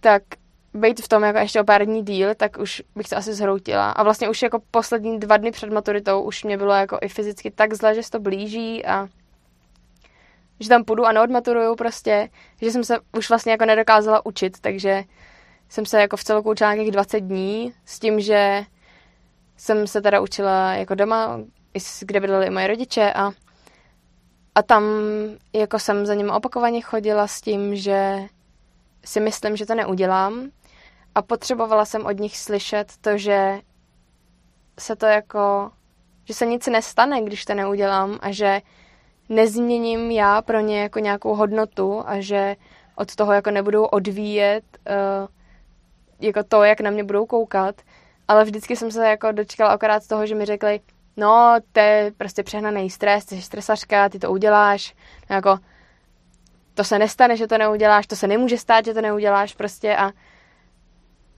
tím mi bylo jako ještě hůř a hůř a fakt jsem to poslouchala jako tohle denně. A jediný následek, který to jako mělo, bylo to, že jsem jim neřekla, kdy maturuju, neřekla jsem jim pondělí, ale řekla jsem jim až čtvrtek, abych prostě, kdybych to neudělala, tak abych jako měla nějaký čas na rozmyšlenou. Kam utéct? Jestli se vrátím domů a kdy jim to řeknu, a nebo jestli se prostě jenom zbalím a nechám jim tam jako nějaký dopis. Mm-hmm. Protože v tom mi bylo fakt nedobře. Já jsem věděla, že jako mi neublíží, jo, že jako mě nezmátí, nebo že by mě nevyhodil z domu. Pravděpodobně by jako do mě hodně jako jebali a byli na mě jako... fakt nepříjemný. Já to takhle nedělám, no. Ale viděla jsem, že by to jako mm, samozřejmě za nějakou dobu přešlo, jenom bych to asi měla hodně dlouho na talíři. Uh-huh. No, já si pamatuju tam o tom přijetí, to jsme, to jsme spolu řešili hodně uh-huh. a přišlo mi hodně hustý a vlastně jako bylo mi to fakt líto, že jsi byla schopná za těma rodičema přijít a ty jsi říkala, že jsi nevěděla, co potřebuješ, ale ty jsi o to přijetí říkala docela explicitně. Jo, u nich, u nich jsem se o to říkala, no. A potom nakonec stejně se ho vlastně nedočkala, mm. protože ti spíš řekli pravý opak, jakože místo, hele, uh, ať to, jako místo toho, hele, je v pohodě, když to neuděláš, ti neustále říkali, jako musíš to udělat, musíš to udělat. což je vlastně přesně to, co si, uh, to, co si slyšet jako nechtěla. Yeah. A ale vím, že jako přesně s tímhle jsme hodně pracovali a jako mě bylo i fakt líto, kolik času jsme třeba, nebo nebylo mi líto toho času, ale spíš toho výsledku, jakože navzdory tomu, kolik času jsme věnovali, jako kolik času jsme věnovali spolu tomu, aby se cítila přijatá bez ohledu na to, jestli to dáš, tak stejně v momentě, kdy tam máš tu rodinu za tebou a ty rodiče, jež uznání, tak nějak jako prostě každý člověk nějak tak principiálně jako přirozeně potřebuje, tak stejně se proti tomu šíleně těžko jde a i když jsme na tom pracovali fakt hodně, tak tam stejně byl pořád to, že vlastně jako ty rodiče byli tímhle tím způsobem zaseklí.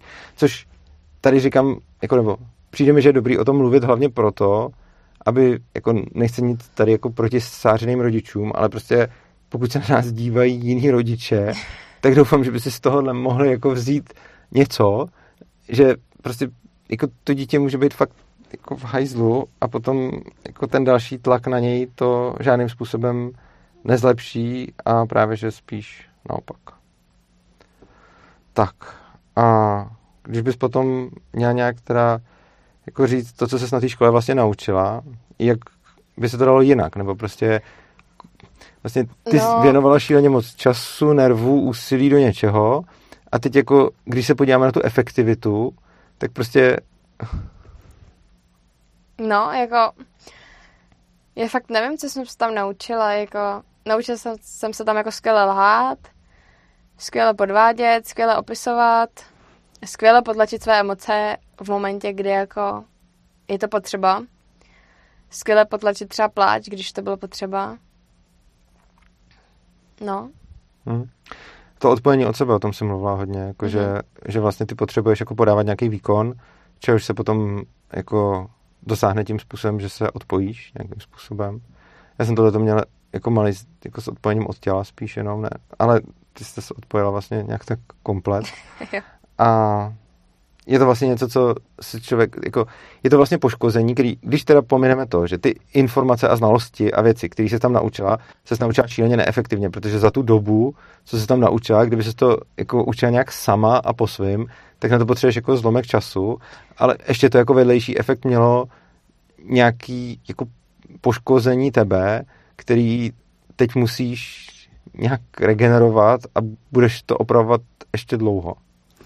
No a vlastně těch jako znalostí, jako basic znalostí jsem se tam jako ani tolik nenaučila. Oni jako mi všichni hodně jako říkali, že až se na tu maturitu budu učit, takže vlastně jenom opráším to, co v té hlavě už mám z těch jako mm-hmm. předchozích let, ale musím říct, že jako 80% určitě, když jsem jako četla ty papíry s těma vypracovanými otázkama, což ještě byla taky další věc, že jsem si je nevypracovala já, ale prostě jsem si je koupila vypracovaný, tak jsem fakt jako měla pocit, že vidím poprvé a že jsem je neslyšela prostě a což jako ty knížky, to bylo logické, když jsem je nečetla, ale ale ta hudebka nebo ta psychologie prostě i přesto, že jsem tam jako seděla v těch hodinách, tak jsem fakt měla jako pocit, že to tam jako vůbec nemám. Mhm, jasně.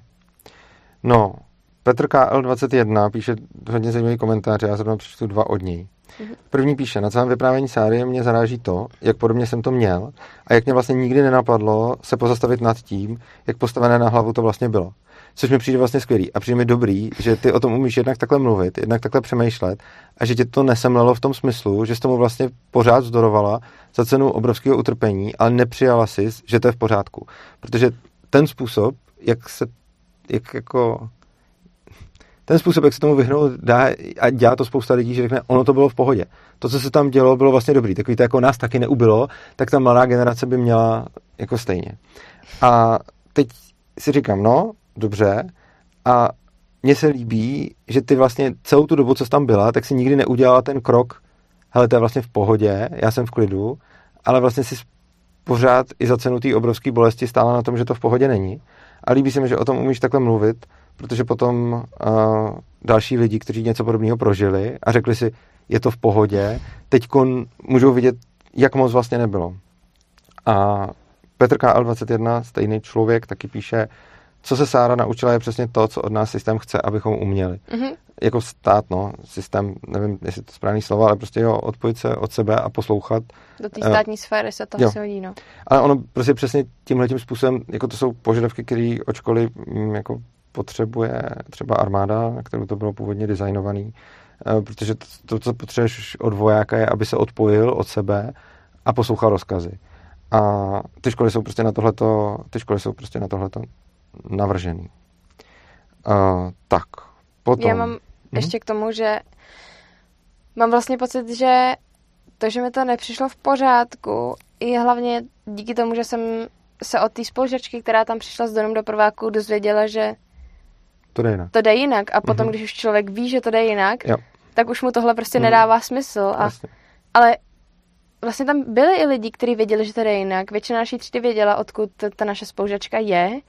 A byli tam i lidi, kteří tam šli z Montessori, takže věděli, že to je jinak a stejně jim to přišlo v pohodě. Takže vlastně asi taky záleží, mm-hmm. jak moc člověk do toho pronikne, jo. že to je jinak, no. Ale to fakt píše, líbí se mi, jak o tom Sára vypráví, mě taky. A potom tady jenom ve zkratce a uděláme takovou odbočku a pak se dáme na něco jiného. Mm-hmm. Uh, to volo není už Urza v tom novém studiu. Jo, jsem, poznali jste to dobře, toto je nové studio. Uh, Nexu píše, řekl bych, uh, že tam má jinak osvětlení a vypadá to trochu líp. Osvětlení mám možná malinko jinak postavený a hlavně by měl být lepší zvuk.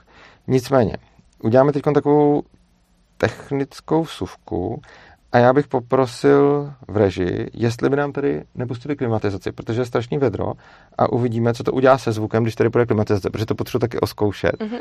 A, a za chvilku se nám rozběhne klimatizace a vy řeknete, co vám to dělá se zvukem a podle toho zjistíme, jestli tady budeme klimatizovat při běžném natáčení nebo, nebo ne. Teď jede klimatizace a mě by zajímalo, jestli ji slyšíte a jak jste na tom.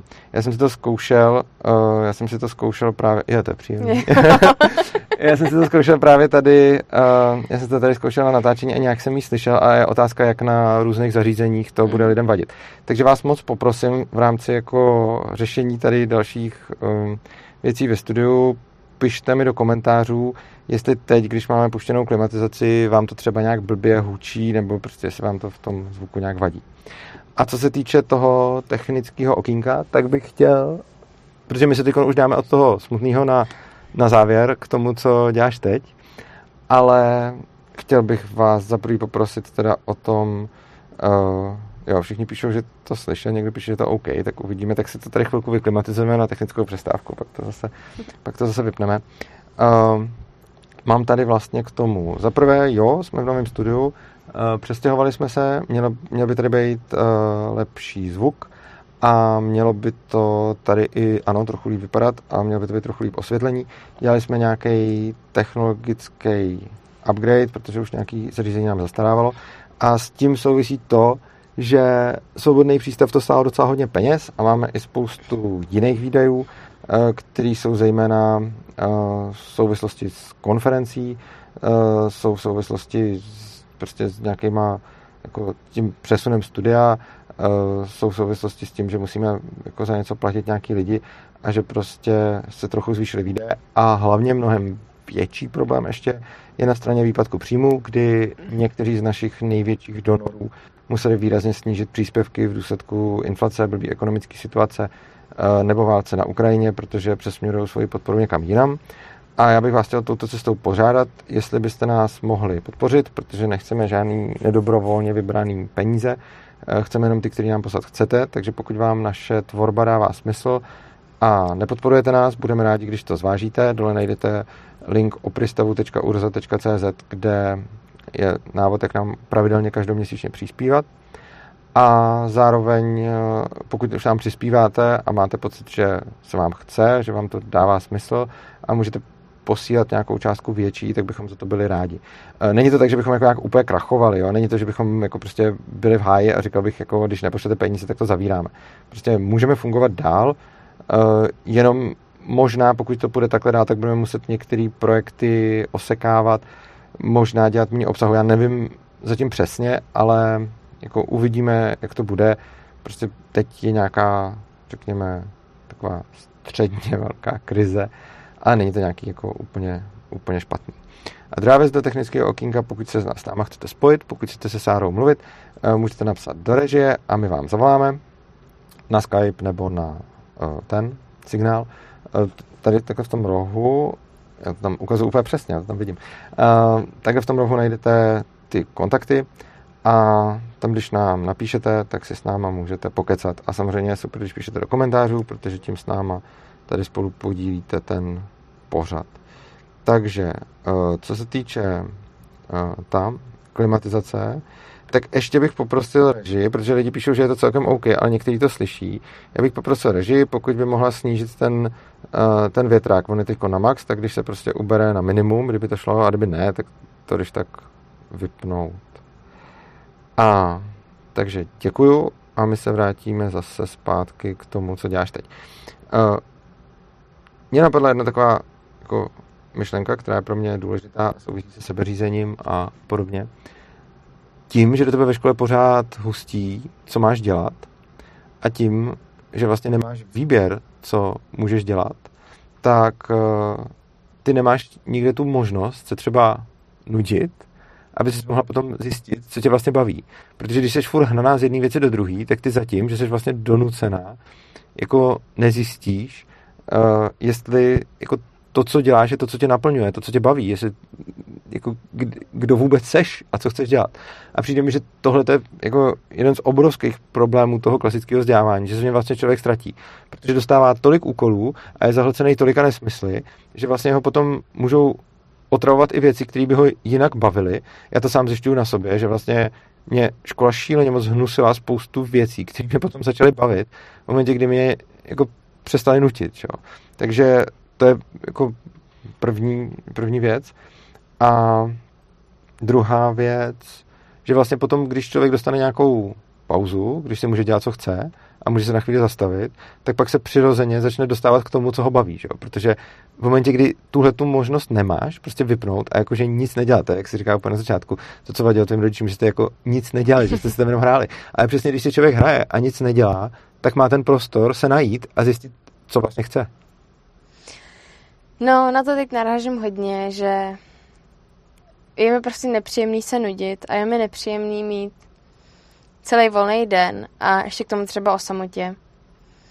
Já cítím se pak jako nevyužitě a bezprostředně a jako špatně, a nebo třeba i odpočívat, když jako, jako vlastně se mi od té doby nestalo, že bych měla den, kdybych jako fakt celý odpočívala, protože i když je třeba večer a já tady mám pocit, že jsem celý den ležela v posteli a koukala na seriál nebo na něco, tak pak i přesto, že se mi nechce, ještě jdu něco udělat, protože prostě mám pocit, že bych měla a, a cítím se špatně, že jsem nic neudělala.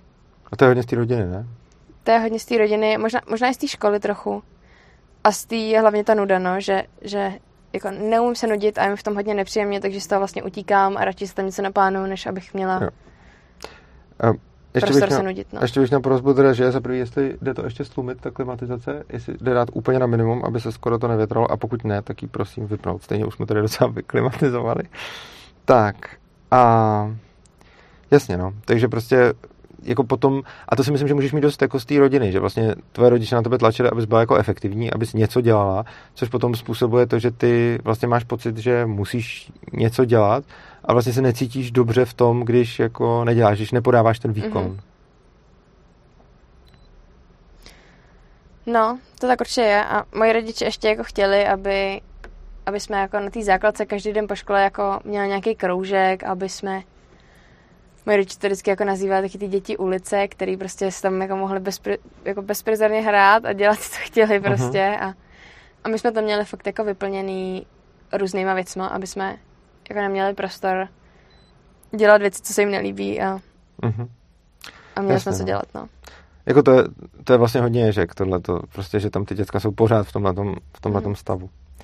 Uh, jo, tady ještě Fiala Jepiča, zase je to takhle jméno, první Fiala, druhý Jepiča. Uh, nudit, co to znamená, já se nikdy nenudím. Já jsem možná použil slovo nudit, což možná není přesný. Uh, já si taky nepamatuju, že bych se kdy nudil už jako dítě a na, no vlastně nikdy, ale myslel jsem tím jako nemít nějaký daný program a když člověk nemá daný program, anebo ho má daný a kašle na to, tak potom zjistí, co se mu chce dělat. Ale v momentě, kdy má daný program, tak to vlastně nezjistí, protože i když ho bude někdo nutit dělat to, co by chtěl, jako třeba ke mně, kdyby někdo přišel a nutil mě, kdy a v kolik hodin mám natáčet eh, prostě live streamy, na jaký téma to mám dát, eh, kdyby mi říkal, jaký si hosty mám pozvat do studia a kdy to mám dělat a kdy k tomu mám vstávat a kdy k tomu mám jíst a pít a jak to celý udělat, tak to začne prostě jako strašně prudit. Jo? Jakože i tahle ta práce, kterou naprosto miluju, když si prostě představím, že mi někdo udělá rozvrh jo, a prostě řekne jako ty kon běž jako studovat rakouskou ekonomii, tady si budeš číst, eh, tady můžeš jako něco natočit, tady uděláš video na tohleto téma, eh, potom natočíš prostě tenhle ten podcast, pak pojedeš do Ješka, teď tam musíš být a prostě, když by mi někdo to takhle naplánoval, ty věci, které fakt miluju, mě začnou za chvíli hrozně vadit, protože budu vlastně jako najednou to nebudu já, kdo si to bude určovat. Mm-hmm. A přijde mi, že potom vlastně jako je to je to vlastně obrovská jako ztráta potom nějaký autonomie a ten výsledek potom tomu odpovídá, no. Tak. Uh, jo, teď už píšou, že klima je neslyšitelná, což je super, protože ona nás tady trochu ještě chladí, ale je neslyšitelná, takže budeme vědět, že to takhle asi můžeme mít. Tak. Uh, teď se můžeme dostat k tvý, když už jsi teda jako našla, nebo jako aspoň minimálně teď. Mně se to šíleně líbilo, protože když jsi mi psala, že nastupuješ do nový práce, tak jsem z toho měl obrovskou radost. A potom jsem si říkal, konečně budeš dělat něco, co ti bude dávat smysl. No, jako vlastně ono, já jsem dělala něco, co mi dává smysl už při tom Gimplu, jako brigádu. Ale byla jsem jako tak strašně moc jako vyčerpaná a tak strašně moc jako vysátá tím tou školou vždycky, že jsem tam pak vlastně jako šla a a jako netěšila jsem se tam tak, jak jsem jako chtěla. A... To je vlastně, mluvíš o Edukornu, nebo? Ne, mluvím no. o tom, že trénuji i gymnastiku. Mm-hmm. Tak tam to mě jako hodně baví a, a ten sport s dětma mě jako baví a líbí se mi, jak si tam jako dělají, co chtějí a chtějí po mně něco naučit a tak to tam jako děláme. Ale šla jsem tam jako vyčerpaná dost často, takže vlastně to vůbec nebylo takový, jaký to jako mohlo být. Mm-hmm.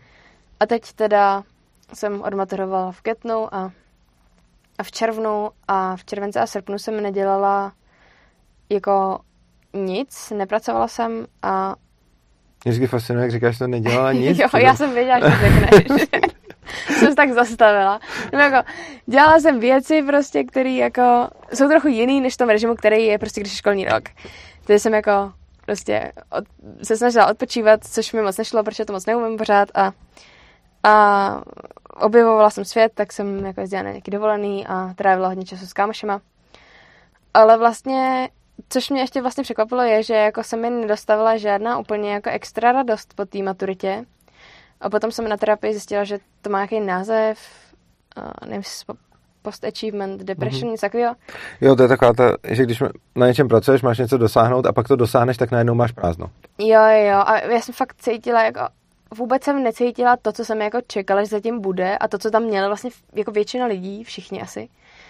Cítila jsem se jako snad ještě jako, ne ještě hůř než předtím, to už snad jako ani nešlo, ale cítila jsem se jako najednou fakt hrozně a jako, že teda vlastně jako ten úspěch a ono to bylo způsobené tím, že ten úspěch mi prostě vůbec jako nedával smysl. Vlastně já jsem jako Taky ono to bylo docela nesmysl. No právě, já jsem ono jako neměla... se jako šíleně dřela pro jako vlastně strašnou pičovinu. Jo, já jsem jako vlastně neměla, vlastně jsem jako si nenašla důvod jako proč se radovat, krom toho, že to jako skončilo, což jako bylo super, ale uh-huh. Jako bylo to prostě málo a fakt jsem z toho byla jako vyčerpaná hodně dlouho a takže jsem jako prázdniny věnovala jako nějaký jako odpočinkový jako fázi a už jsem teda měla jistou práci od září, do které jsem teda nastoupila minulý týden mm-hmm. a nešla jsem si, ještě před maturitou jsem tam byla se nějak dívat a chodila jsem tam uh, takovou menší komunitní lesní školu, není to teda rejstříková škola, uh, země kvítek, je to v divoký šárce, je to v lese, což mě hodně chybělo, že ten rozvrh na tom Gimplu byl úplně šílený a já jsem neměla jako ani prostor chodit jako ven, nebo jako, jasně, že jsem měla prostor chodit ven, ale jako bylo hrozně málo, protože ten rozvrh jako, já jsem i ve čtvrtém ročníku, kdybych teda jako čekala, že nám dají třeba víc času na to třeba učit na tu maturitu doma, nebo jako se učit třeba na výšku, protože to většina lidí jako dělalo, tak my jsme měli dvakrát týdně od 8 do 5 večer jako v kuse prostě. Což jako tam bylo fakt strašně málo času a chybělo mi, že jsem byla málo venku a, mhm. a málo v přírodě a málo na sluníčku. Takže když jsem uh, úplně náhodou na Facebooku v nějaký skupině sebeřízeného vzdělávání nebo něco takového našla inzerát, že hledají průvod, průvodce do, do té školy, tak jsem to tak jako zkusila a se smola jsem nějaký jako celá životopis prostě, ve kterém nic moc nebylo. Hm. Uh, a poslala jsem ho tam, tak mi odpověděli a nakonec mě teda přijali a uh, není to místo, kam bych jednou chtěla dát já své dítě. Není to úplně sebřízený a úplně svobodný. Není to ježek. Není to, není to ježek. a není to prostě jako svoboda all the time.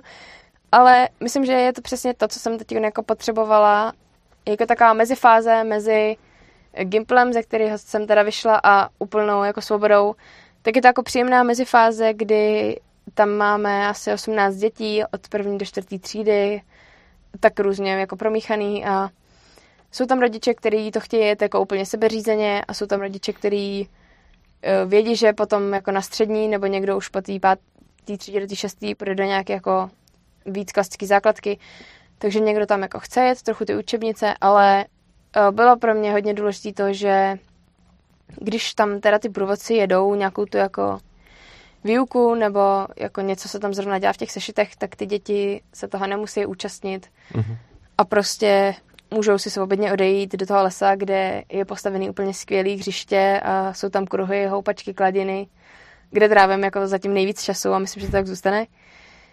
Uh, tak to je pro mě důležitý. Vím a vidím, že nějaký děti na té výuce zůstávají, protože z toho domova si nesou, že tam mají zůstávat, což tak jako je a já to vnímám a zatím to tak jako zpracovávám, ale je to za mě nějaká mezifáze, která mi teď je příjemná a já tam jsem jako taková jako asistentka průvodkyně pro všechny, prostě jsem tam jako volně, když nějaký dítě jako s něčím potřebuje pomoc, nebo někde je naopak rychlejší a už se tam jako chce dělat něco jiného, nebo naopak chodím ven s těma dětma, který se prostě učit nechtějí, tak to je prostě teď to prostředí, kde jsem a je to super.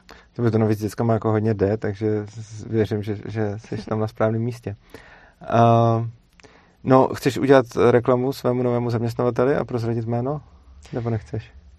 Uh, já nevím, kde je můj zaměstnavatel. Jako, je, ta škola, je, to, je to přímo jako země kvítek, je to uh, lesní škola v Divoký šárce. Tak jsem to myslel. Jo, ale... to, to bylo celý. ale... A jako něco dalšího můžeš dodat. Jo, chci udělat reklamu uh, fóru seveřejného vzdělávání, který bude v listopadu. Mm-hmm. Doufám, že víš kdy, protože já mám pocit, že 7. nebo 9. Je to úterý. Mm, První... Když se podívat, tam budu, tak já se podívám do, jo, do kalendáře. Jo. Myslím, že 7. Okay. listopadu v úterý. Je to ano, je to 7. listopadu v úterý. Mm-hmm. Mám tady napsaný 17 hodin, tak nevím, jestli nějak jako celý den nebo... Tak čas už je na mě trochu moc, to přesně nevím kolik. Myslím, že v 17 hodin. Tak bude uh, forum sebeřízeného vzdělávání. Je to vlastně v rámci celého týdne sebeřízeného vzdělávání, kde budou ještě různé další akce. Já to Aliance uh, sebeřízeného vzdělávání, mhm. Gabriela mm-hmm. s Míšou. Gabriela s Míšou a Sirkou. Jo, Sirkou ještě. Jo, a já tam, já tam budu jako nějaká debatující společně s nějakými dalšíma lidma. I, budou tam i děti z Ježka, uh-huh. bude tam i Jana Nováčková, bude tam mimochodem i Peter Gray, což jsem se dneska uh-huh. dozvěděla, což super. On tam bude online. online. Online, jo, tam bude, je uh-huh. online. Tak eh, na to vás chci pozvat, to uh-huh. myslím, že bude super. Jo. A těch míst je tam málo, ale bude to i online. Uh-huh. No, já bych se ještě vrátil uh, k tomu nic nedělání. Jo. Mě to, mě to prostě... Uh, mě to připomnělo jeden hodně krásný moment, který jsem měl eh, s dětskama z Ježka včera, jak jsem nespal, tak jsme flámovali přes noc a bylo nás tam hodně a valili jsme se tam na dvoře a koukali na hvězdy a vím, že právě jsme tam měli takovou, jako, takový fakt hezký moment, kdy jsme tam jako sdíleli nějaký třeba obavy nebo strachy a někdo tam říkal právě, že jako má nějakou kamarádku, která říká, že umí něco, já nevím, jestli češtinu, angličtinu nebo zeměpis líp než jako ta zeška. A teď Mm-hmm. Jako ty děcka říkají přesně, jako třeba my neumíme tohle a tamto. A já jsem se na ně tak díval a říkám si, a přesně mě jako došlo, jako jo, eh, je možný, že některý, a jenom některý z nich, protože jako jsou tam lidi, kteří třeba umějí jako perfektně anglicky, jakože ty, ty dovednosti jsou tam rozloženy dost nerovnoměrně, takže mm. prostě každý dělá to, čemu se, jako, se ho fakt baví. Takže to ani není, že bych jako měli míň, ale prostě nemají to jako plošně, penzum plošně, který, mhm. který jako jim dává prostě jako nějaká standardní základka, která by říkala, prostě musíte mít v tomhle věku tohle a v tomhle, prostě si to jedou po svém. Yeah. Ale to co, to, co jsem tam právě říkal, a co mi došlo, mě, to, mně se to jako šíleně líbilo, že jako když je vidím a vidím, jakým způsobem umějí třeba komunikovat, jakým způsobem umějí jako, jako fungovat v mezilidských stazích, a jak se vždycky říká, takový to jako když ty děti budou sebe řídit, tak eh, jak se budou socializovat, tak přesně jako když se nebudou sebe řídit, tak se budou socializovat Mikulášem.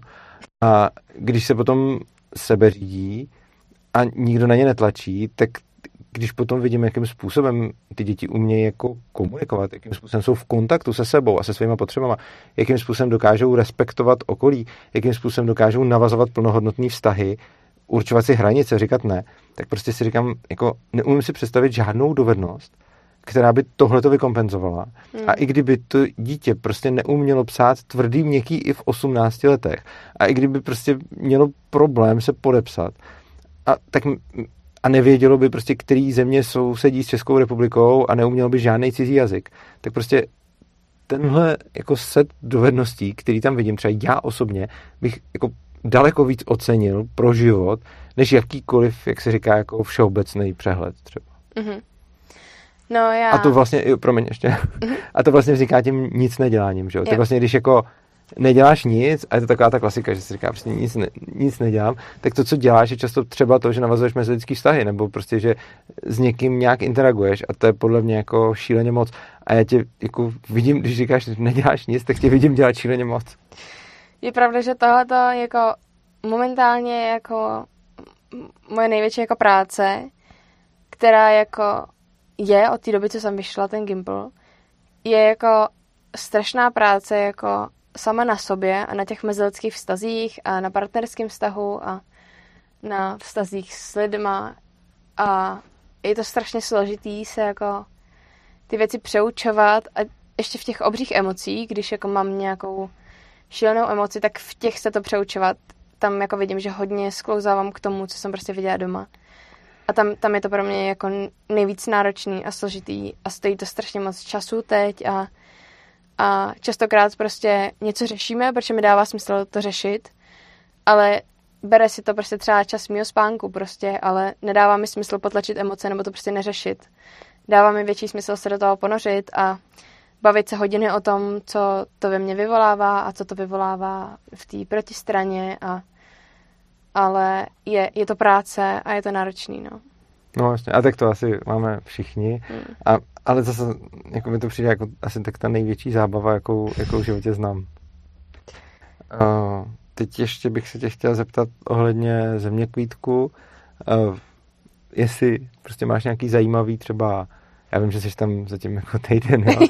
A jestli máš třeba nějaký zajímavý zážitky nebo postřehy, nebo něco, co bys chtěla sdílet, třeba co se ti tam líbilo nebo nelíbilo, nebo tě no. potěšilo, no. nebo naopak prostě nějaký, jako víš, jako prostě já třeba, když jsem takhle nastoupil do Ješka, tak jsem byl úplně plný všeho, tak prostě... Já, já jsem ti i psala, nevím, co to bylo za den, včera předevčírem, mm-hmm. když jsem jako byla to úplně... bylo moc hezký, no. Úplně plná jako absolutního pocitu jako štěstí a blaha, že už to jako nemůže být lepší.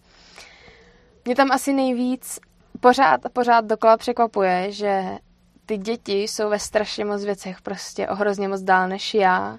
V tom, že si umí říct mm-hmm. jako ne, umím říct ne, umí si nastavit své hranice, což kolikrát já jako fakt neumím říkat třeba ne. Dospělým, u kterých jako cítím nějakou autoritu prostě. A ještě jako, jak mám to srovnání s těmi dětmi, kteří trénují tu gymnastiku, což jsou jako většinou děti z klasické školy, tak tam to jako vidím hodně, že, že ty děti si prostě umějí jako říkat to, co chtějí a umějí mi jako říct jako i věci, které se třeba normálně dětem zde jako trapný a šeptají se tam mezi sebou jo. a tak to dítě mm-hmm. prostě úplně jako na féra na přijde prostě a něco mi tam jako řekne mm-hmm. a je mu úplně jedno jako co prostě nastane, prostě má potřebu to říct, tak to jako řekne. A nebo tam máme hodně zažitku tím, že je to jako lesní škola a jsme v lese, tak tam máme jako ovce, kozy a králíky a vzniká tam spousta situací s tím, že ty zvířata tam prostě jako utíkají a, a ty zvířata tam jako totální svobodu, že prostě jako třeba prostě jako utečou z té nějaké ohrady, která prostě se nedá jako moc zavřít. A pak tam prostě jako ty kozy jedí školní jako nějaký výtvory a je to všem jedno, že s tím jako počítají už, když to jako dělají, protože prostě... A neblíží to těm kozám? No, jako ani ne vlastně. Já nevím, jak fungují kozy. Tak... to vlastně nevím ještě. Ale ty děti toho vidí jako hrozně moc mm-hmm. a, a to mě pořád a pořád překvapuje, že vlastně jako vůbec jako nevím, jestli umějí všichni násobilku prostě ve třetí třídě, ale umí prostě spoustu tomu věcí, které mě jako každou vteřinou přijde nějaká, která mi jako vyrazí dech prostě. Mě vlastně tohle to připomnělo jednu historku, která se mi stala dneska dopoledne. Eh, přesně než jsem měl do Prahy, tak jsem měl ještě nějakou schůzku věšku a během té schůzky, co jsem byl prostě někde prostě s někým zabraný do hovoru, tak se najednou rozletěly dveře a vběhla za mnou uh, brečící jedna žačka, která ke mně přiběhla, že potřebuje obejmout.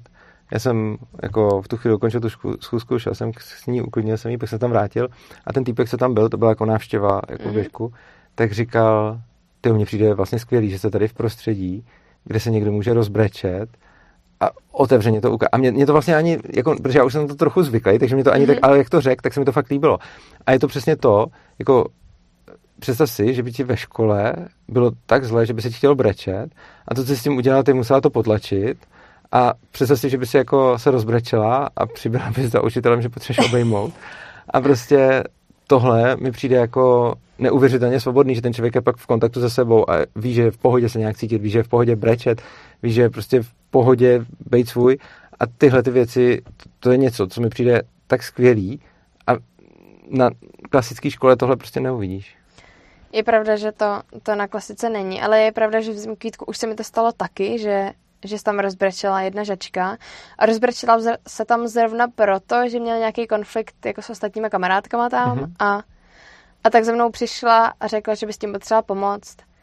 A vlastně to bylo jako strašně, strašně super tam čas, kdy jsme si jako všichni sdělili nějaké své potřeby a, a rozlišovali jsme, což nejde ani mě, uh, že potřeba je vlastně jenom moje.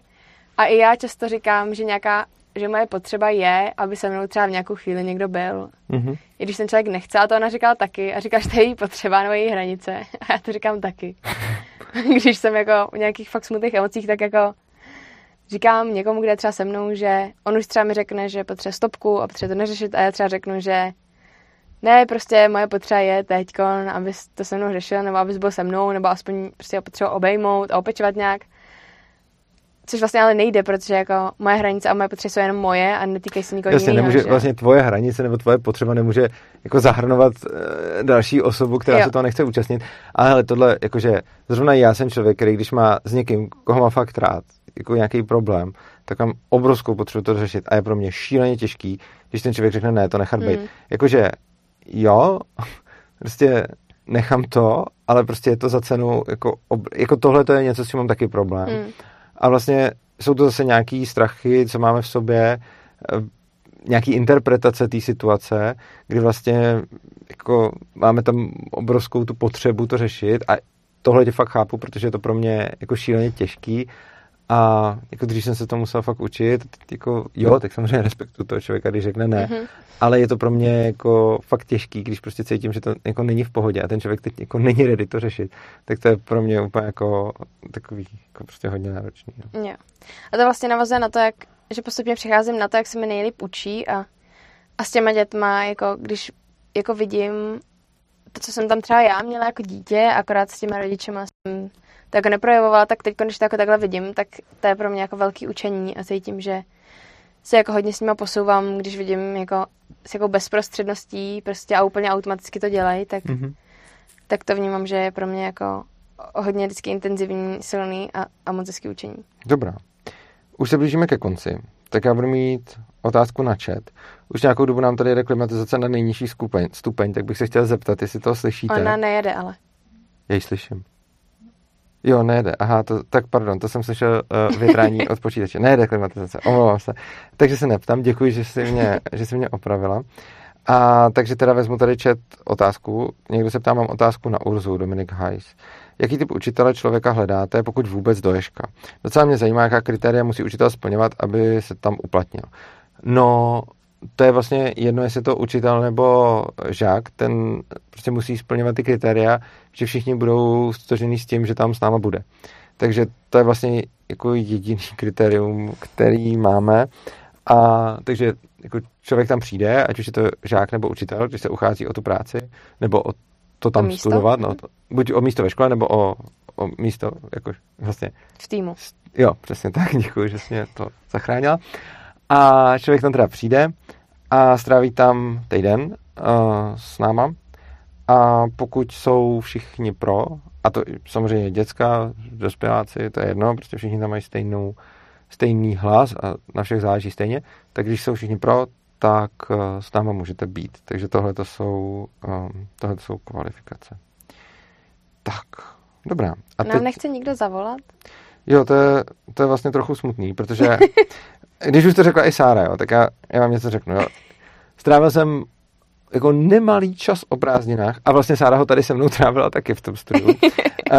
tím, že se mi povedlo zapojit naší zvukovou aparaturu takovým způsobem, že tyto mikrofony, a já vím, že jako když se nás poslouchá nějaký zvukař, tak se tomu bude smát, ale pro mě to bylo fakt velký, že tyto mikrofony do, dávají ten zvuk jednak na ten stream a jednak do toho jako Skypeu nebo signálu, nebo jak s váma budeme telefonovat, uh, dělají obojí dvojí zároveň. Uh, to bylo v minulém studiu velké sci-fi a když jsem se o to pokusil, tak mi to buď nějak nešlo, nebo to všechno šumělo, nebo tak. Teď jsem to konečně jako zprovoznil tímhle tím způsobem a rád bych to otestoval. Takže prostě, když byste nám chtěli zavolat, tak máte teď poslední šanci, protože se fakt blížíme ke konci. Aspoň nás pozdravit. Aspoň nás pozdravit. A jako když to Sára takhle chce, tak jako těžko odolat. A tady máte, napište, uh, zavoláme vám zpátky, napište nám do režie, uh, je tam Skype, je tam signál, tam můžete napsat a my vám zavoláme zpátky a můžeme, můžeme pokecat. Tak. A teď se někdo ptá Tomáš Toucha. Zdá se mi, nebo je nové studio větší? Uh, je jiný, je jinak situovaný a uh, větší, to záleží. Na plochu je menší a na objem je větší. Takže tak. Mm. Že chce zavolat, uh, díky mojí psychice toho zatím nejsem schopen. Děkujeme pro Bulis a my budeme se pomalu chýlit ke konci, takže teď Sáru ti dám prostor, uh, abys mohla si říkat, co chceš. Uh, můžeš cokoliv vzkázat divákům, můžeš cokoliv nevzkázat divákům. Uh, můžeš klidně se jich na něco zeptat a vyspovídat je, nebo mě, nebo mm-hmm. prostě cokoliv se ti bude chtít. Máš ty tady prostor, můžeš si udělat jakoukoliv reklamu, prostě je to, je to celý tvoje. A vlastně zároveň ty taky děkuju za tady pomoc se stavbou studia. Jo, uh, tak není zač. a asi mě jenom zajímá, jak se, jak se máte, když začal nový školní rok a kdo, kdo musel do školy nebo kdo tam šel dobrovolně a kdo má pocit, že tam musel, protože já jsem tam fakticky chodit nemusela, ale celou dobu jsem měla pocit, že tam musím. Mm-hmm. Tak uh, tak Ten pocit jsem měla z rodičů, předpokládám. No, jo. jako ze společnosti celkově, protože když jsem podávala přihlášku na střední, tak jsem jako vlastně nezaznamenala možnost, že jde nejít na střední, mm-hmm. protože to dělali jako lidi, kteří šli automaticky být jako populáři, jsem měla pocit, mm-hmm. jo, takže takže ten pocit jsem neměla. A tak to mě zajímá a jinak nevím, jestli ještě něco potřebuji říct. Dobře. Uh, No, on je to vlastně takový klasický livestream k začátku školního roku, eh, kdy vlastně začíná i sezóna svobodného přístavu, protože sezóna svobodného přístavu se kreje se školním rokem z toho důvodu, že v červenci a srpnu nás mnohem víc sledujete, teda mnohem méně sledujete, mnohem méně odebíráte, mnohem méně všechno, takže my si rezervujeme červenec a srpen na různé věci, jako třeba stavby nového studia nebo přípravu nových projektů, který potom vykopáváme eh, během roku. A nebo na pobyt. Nebo na pobyt. Přesně tak. Eh, pořádali jsme eh, letní pobyt, děkuji ti, Sáro, pořádali jsme ho i se Sárou. A letní pobyt je v Domu svobodného přístavu. Zase, kdo neznáte, můžete si najít eh, dům.urza.cz a nebo na Facebooku máme taky Dům svobodného přístavu a tam prostě budou pobyty, teď budeme pořádat další, když ten asi nebudeme vykopávat veřejně, to záleží, jestli se naplní těma účastníkama, kterým to po kterým to nabídneme.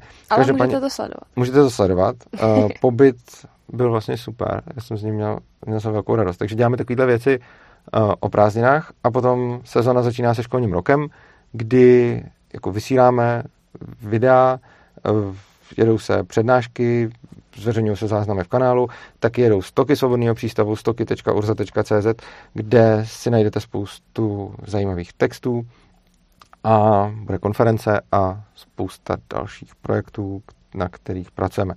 Takže, takže to, a ta sezona vždycky začíná v září a v září se věnujeme uh, vzdělávání. Protože tak začíná ten školní rok, takže to k tomu vždycky tak sedí, takže ti, kdo nás už pravidelně, tak víte, že vždycky uh, zářijová přednáška se týká vzdělávání. Včera byla přednáška, kterou měla Markéta Čermáková. Mm-hmm. Uh, já jsem se z toho vyvlík, protože jsem právě byl v tom ješku. A bylo to super, protože jsem tam strávil tu skvělou noc. Zatímco Markéta místo mě přednášela, děkuji Markétě.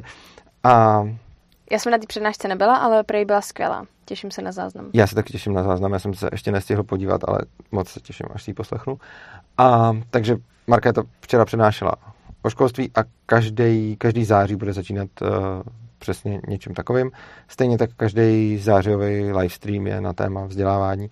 A stejně tak, když se podíváte do stok, tak jsou tam texty na téma vzdělávání a když se podíváte na Facebook Svobodného přístavu, tak tam vycházejí obrázky na téma vzdělávání, stejně tak vychází na Twitteru, prostě se teď věnujeme vzdělávání. Tak. A teď si dočteme tady nějaký komentáře, jestli ti tam někdo něco napsal. Uh, tady pro Kopropolis spíše já dobrovolně učím ve svobodné škole a je to nejlepší práce, kterou jsem kdy zkusil, i když finančně to moc výhodné není. Píše taky, že bez maturity i bez pedagogického vzdělání.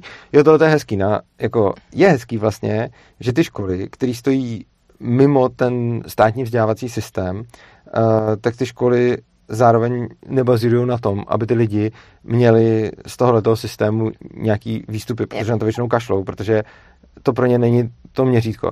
Což znamená, že jako na těchto těch školách můžete učit, i když nemáte to pedagogické vzdělání, uh, jakože, nebo asi ne na všech, ale jako většinou je tendence to nějak udělat v závislosti na tom, co fakt jste schopný těm dětem předat, bez ohledu na to, uh, jestli na to máte papír. Protože jako spousta těch lidí, kteří si to jako vystudují, tak jako vystudují co, že složí nějaké zkoušky a že prokážou, že mají nějakou znalost, ale to ještě vůbec neznamená, že umí mm-hmm. fungovat s těma dětma. To, to jako nikoho nezajímá. Takže potom jde o to, že ten učitel prostě ukáže, jako mám znalosti z tohohle, znám tu teorii, ale vlastně jako neznamená to, že, že ho ty děti chtějí, že? Takže, takže to je pravda. Uh, tady píše Tornado 02 Full. Jdu dobrovolně do školy po dvou letech práce, mám trošku strach z toho, že mě lidi budou uh, že mě lidi budou jinak, asi vnímat jinak, ale vím, že je to jenom strach. Každopádně mi sny uh, připomněly všechny špatné věci z normálních škol. Um, tak ať teda co nejlíp. Aha, tak přesně tak, přeju to samý. Uh, jo, pak tady píše Petr KL21. Mimochodem to chci říct, to už jsem chtěl říct další dobu, jsem to zapomněl, teď to řeknu. Petr KL21 má tady úplně skvělý komentáře a jako spoustu jsme jich tady četli a někteří si čtou jenom tady a přijde mi, že šíleně dobře jako reaguje a že je hodně s náma takový vlně a že hodně chápe. A teď píše, ještě bych chtěl říct, že dle mého názoru je Sára na svůj věk velmi moudrá a šikovná. Děkujeme za takového hosta, Urzo. Já ti taky děkuji, že jsi Děkuji moc. Já se těším, až si přečtu ten zbytek komentářů potom. Tak, o tatu není píše, uh, snažila se Sára nějak svoje přísné rodiče řešit? Řešila s rodiče? Řešila jsem rodiče pořád uh, doma. Pořád se něco řešilo, ale uh, asi mám pocit, že málo... Vlastně nevím, co bych musela udělat, abych jako změnila ten jejich pohled na školství, na svět, na výchovu, na rodičovství. Já jim jako říkám od začátku, že to budu dělat jinak, že se mi to nelíbí a že to nejsou moje hodnoty a že zároveň ale jsem jim jako vděčná za to, že mě takhle vychovali, protože i díky tomu jsem teď taková a i díky tomu i třeba vím, jak to nedělat, tak to je super. A snažila, ale v něčem možná jsem s nima trochu pohla. Hodně se třeba s mamkou bavíme o tom, že až budu mít já děti, tak třeba nevím, jestli budu chtít, aby s ní byli, pokud do nich bude valit ty věci. Takže cítím, že je tam ještě prostor jako pro zlepšení i od nich. Nevím, jestli jako... Nevím, jak moc je velký, to bude teprve proskoumávat. Ale za tu dobu školní docházky se to úplně moc nezměnilo. Mně se to moc líbí, jakože jak se na to koukáš a jak máš takový jako dobrý, a, nebo dobrý, prostě mě je hodně sympatický tvůj přístup k životu. Lásky plno. Uh-huh, to, to se mi moc líbí, s tím, s tím hodně souzním. A potom jako vlastně jsi si říká o těch rodičích a dětech, jako tvých dětech, že a stýkání s těma mhm. rodičema. Já si myslím, že tohle to ty děti hodně v pohodě určitě sami. Já to vidím často uh, u těch sebeřízených dětí, s kterými se teď setkávám vlastně hodně, že někdy jsou tam jako kolize s prarodičema, ale ono si to dítě hodně často určí, že prostě buď to prarodiče výdat chce nebo nechce, nechce. a ten prarodič to nějak má, ale často taky chce, někdy ne a prostě ty rodiče k tomu typicky přistupují tak, že to prostě nechají na tom dítěti. Mm. A že když to dítě chce navštěvovat pro rodiče, tak ho navštěvuje a když nechce, tak ho nenavštěvuje a že tam není vlastně žádný ten tlak, protože yeah. to u, jako to standardně bývá, jako že prostě je to přece rodina, tak no, bys měl, což je přesně ta nedobrovolnost těch stazích, která, mimochodem to mě připomnělo ještě jednu, eh, to mě připomnělo ještě jednu věc, jako je to rodina, tak bys měl, je to takový to nerespektování té hranice, toho ne, nerespektování nějaký fyzické autonomie toho člověka, která potom vede přesně k tomu, když jako lidi říkají, hele, vy když ty děti necháváte uh, prostě třeba na internetu bez dozoru, nebo venku bez dozoru a podobně, jestli by je jako někdo nemohl třeba nějak zneužít a podobně. Jako, jo, za předpokladu, že by je prostě jako fyzicky přepadl a někam odnes, a to třeba na tom internetu nejde, tak nějak jo, ale vlastně když vidím ty děti, který jako rostou třeba v tom ježku, tak se to podle mě ty děti, které se jako úplně jako nejhorším způsobem dají nějak zneužít, jakože to nejde, nebo, nebo nejde, jakože jasně, když prostě to fyzicky udělám, tak to půjde, ale jinak jsou extrémně odolní vůči zneužití, protože si šíleně moc dobře umějí jako říct to ne. A naopak jako spousta dětí, který jako říkají to ne a on není respektováno, tak oni to ne potom nakonec přestanou říkat a smíří se s tím, že, že je to vlastně jako v pohodě. Uh, tak Fiala Jepiča se ptá, znají rodiče Urzu, jak je u nich pojmenován? Uh, neznají rodiče Urzu. ano, my jsme se se sářenými rodiči neviděli. Uh, Byl by to zajímavý experiment. Ano, ty jsi byla vlastně ráda, že k němu nedošlo. Já jsem a po tu dobu, co jsem tam bydla, jsem byla ráda, že k tomu nedošlo. Myslím, že bych si pak vyslechla uh, uh, spoustu věcí, proč se vídám s takovými lidmi a tak. uh, třeba k tomu jednou dojde. Uvidíme. A třeba k tomu jednou dojde. Ale myslím, že nás rodiče třeba uh, poslouchají, nebo vědí, že jsi tady? Ne, neví. A co když si to k ním, nebo jako, ty jsi vlastně byla už u Míši na nějakém tom podcastu, je, kde se o nich taky... na Alianci. A tam se o nich mluvila vlastně, mi přijde ještě jako víc, tam se to víc točilo okolo těch rodičů mm-hmm. než tady. A oni to, se to k ním nějak dostalo, nebo ne? Nebo... Uh, předpokládám, že kdyby se to k ním dostalo, tak bych dostala nějakou silnou reakci, takže pravděpodobně mm-hmm. se to k ním nedostalo.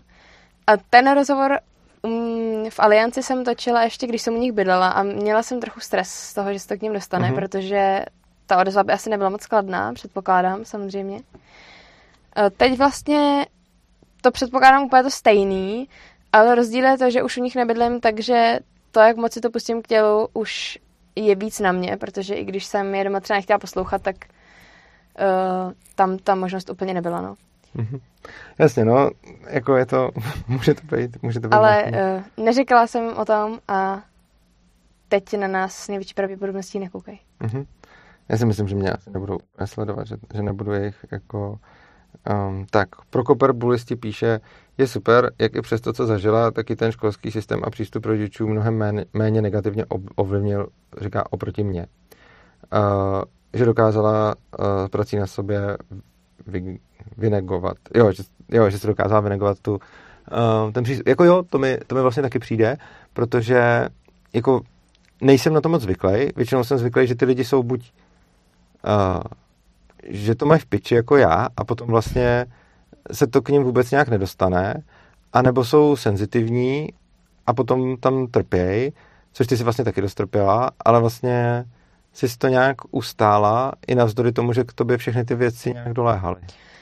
No, já tohle jako hodně vnímám v tom, že obecně jako se výdám s lidma, který, pro který ten, to, co zažívám, jako nebyl standard a nebylo jim to jedno a hodně jsme to rozebírali, tudíž uh, pro mě hodně důležité jako mít s kým sdílet a mít si s kým jako o tom povídat a tím jako tak jako lepím a hojím ty rány.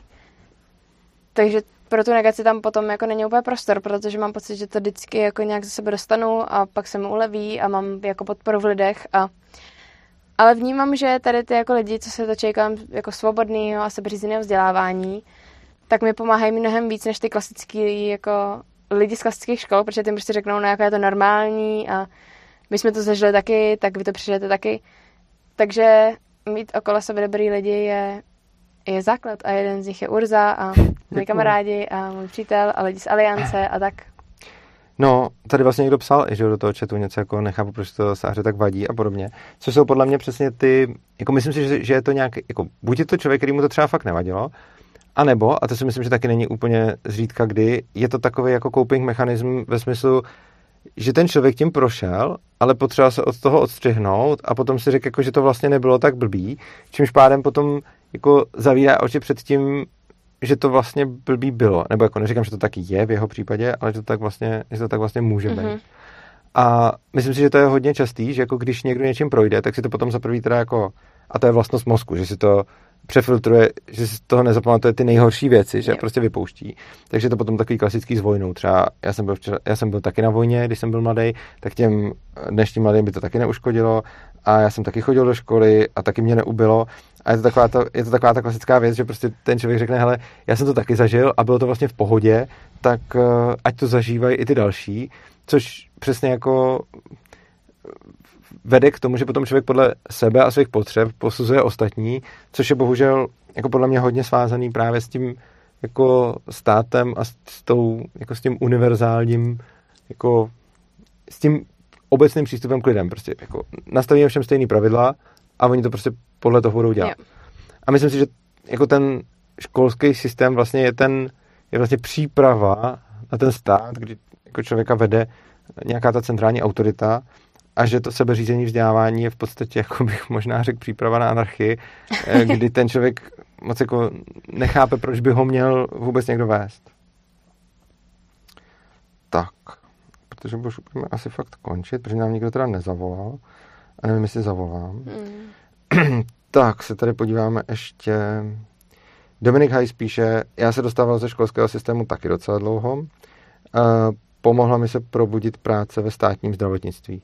Jasně, no, že prostě, jasně, jako člověk může, může zažít jako něco toho dobrýho, nebo může zažít něco toho hroznýho a obojího z toho může vytrhnout, že se najednou řekne jako, ty co, co to dělám, no. Dobrá tady. Takže my se s vámi loučíme. Je mi teda líto, že nikdo nezavolal, protože teď třeba nemůžeme fungovat, zjistit, že třeba nefunguje jo, ten zvuk, nebo že nám spadne stream, nebo něco takového. takže to se zjistí až někdy, se zjistí až někdy příště. A jo, pokud se koukají děcka zeška, a já vím, že se někdy koukají, tak je 21 21. Tak. A já vám všem děkuji za pozornost. Mějte se krásně, mějte se rádi a pokud se vám tenhle ten livestream líbil, a já věřím, že jo, a přijde mi, že Sára řekla hodně dobré věci, které by mohly pomáhat jako rodičům, dětem a spoustě lidí, kteří v tom jsou. Mně tohle to přijde hodně dobrý vlastně. Z a nebo kteří se v tom cítí sami, protože jo, to byla často cítí. moje uh-huh. emoce. Tak to posílejte, sdílejte. Čím víc to nazdílíte na sociální sítě, tak, tak nás, tím, nás tím podpoříte. A hlavně to, co chceme dělat, je šířit ty myšlenky. A existuje jako v České republice velká komunita, která pořád roste kolem sebeřízeného vzdělávání a lze nás najít na internetu a potom i reálně. Takže mhm. pokud jste někdo buď sám ve škole, nebo rodič, který si neví radit, nebo někdo, kdo má prostě pocit, že to takhle nechce, tak se můžete s náma spojit a můžete s náma tvořit něco jiného, co je založené na dobrovolnosti a ne na rozkazech. A potom samozřejmě vás prosím, pokud se vám naše video líbilo, dole najdete uh, vlastně adresy bitcoinovou, litecoinovou na příspěvky nebo bankovní spojení, pokud nám chcete poslat nějaký peníze za tohle video. A pokud se vám líbí celkově práce svobodného přístavu, tak tam najdete adresu opristavu.urza.cz, kde zjistíte, jak nás můžete pravidelně podporovat uh, každý měsíc. A to je něco, co nám zejména teď hodně pomůže a i pokud jste naši uh, stálí podporovatelé, tak budeme rádi, momentálně bychom ocenili a potřebovali, pokud byste dokázali a chtěli zvýšit své příspěvky, Případně pokud jste někdo, kdo váhá, jestli nás podporovat, tak eh, teď je ten pravý čas, kdy by nám to vyloženě pomohlo, protože několik velkých podporovatelů nám svoje příspěvky bohužel muselo snížit. Jsem rád, že, nám, že jsem, co jsem fakt rád, že nám ty podporovatelé jako neubejvají. Jakože se málo kdy stane, nebo jako stává se to, ale málo kdy se stane, že by někdo to, tu podporu zavřel s tím, jako hele, už mě to, už mě to nebaví, i když jako taky jo, ale prostě velice často ten člověk napíše, hele, Uh, mě to fakt zajímá, baví, ale prostě musím tu svoji částku třeba stáhnout na, na nějakou symbolickou, protože, protože už na to nemám. Takže uh, tohle to mě fakt těší. Stejně tak mě hodně, uh, stejně tak mě hodně motivuje, když vidím prostě, že nám třeba studenti posílají pár korun ze svého kapesného, protože mi to přijde jako fakt fajn. Tak a mě vlastně díky tomu, že jsem si nepořešil ten tablet, došlo, že ten mobil je asi mnohem praktičtější pro to. Takže vlastně já jsem udělal to, že jsem si ten tablet jako nainstaloval, když jsem chtěl, a místo toho mám ten telefon, což bylo provizorní řešení, ale já z něj asi udělám výsledné funkční řešení.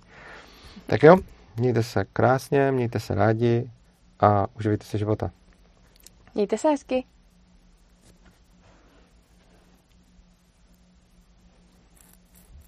Tak. Možná ještě jsme online.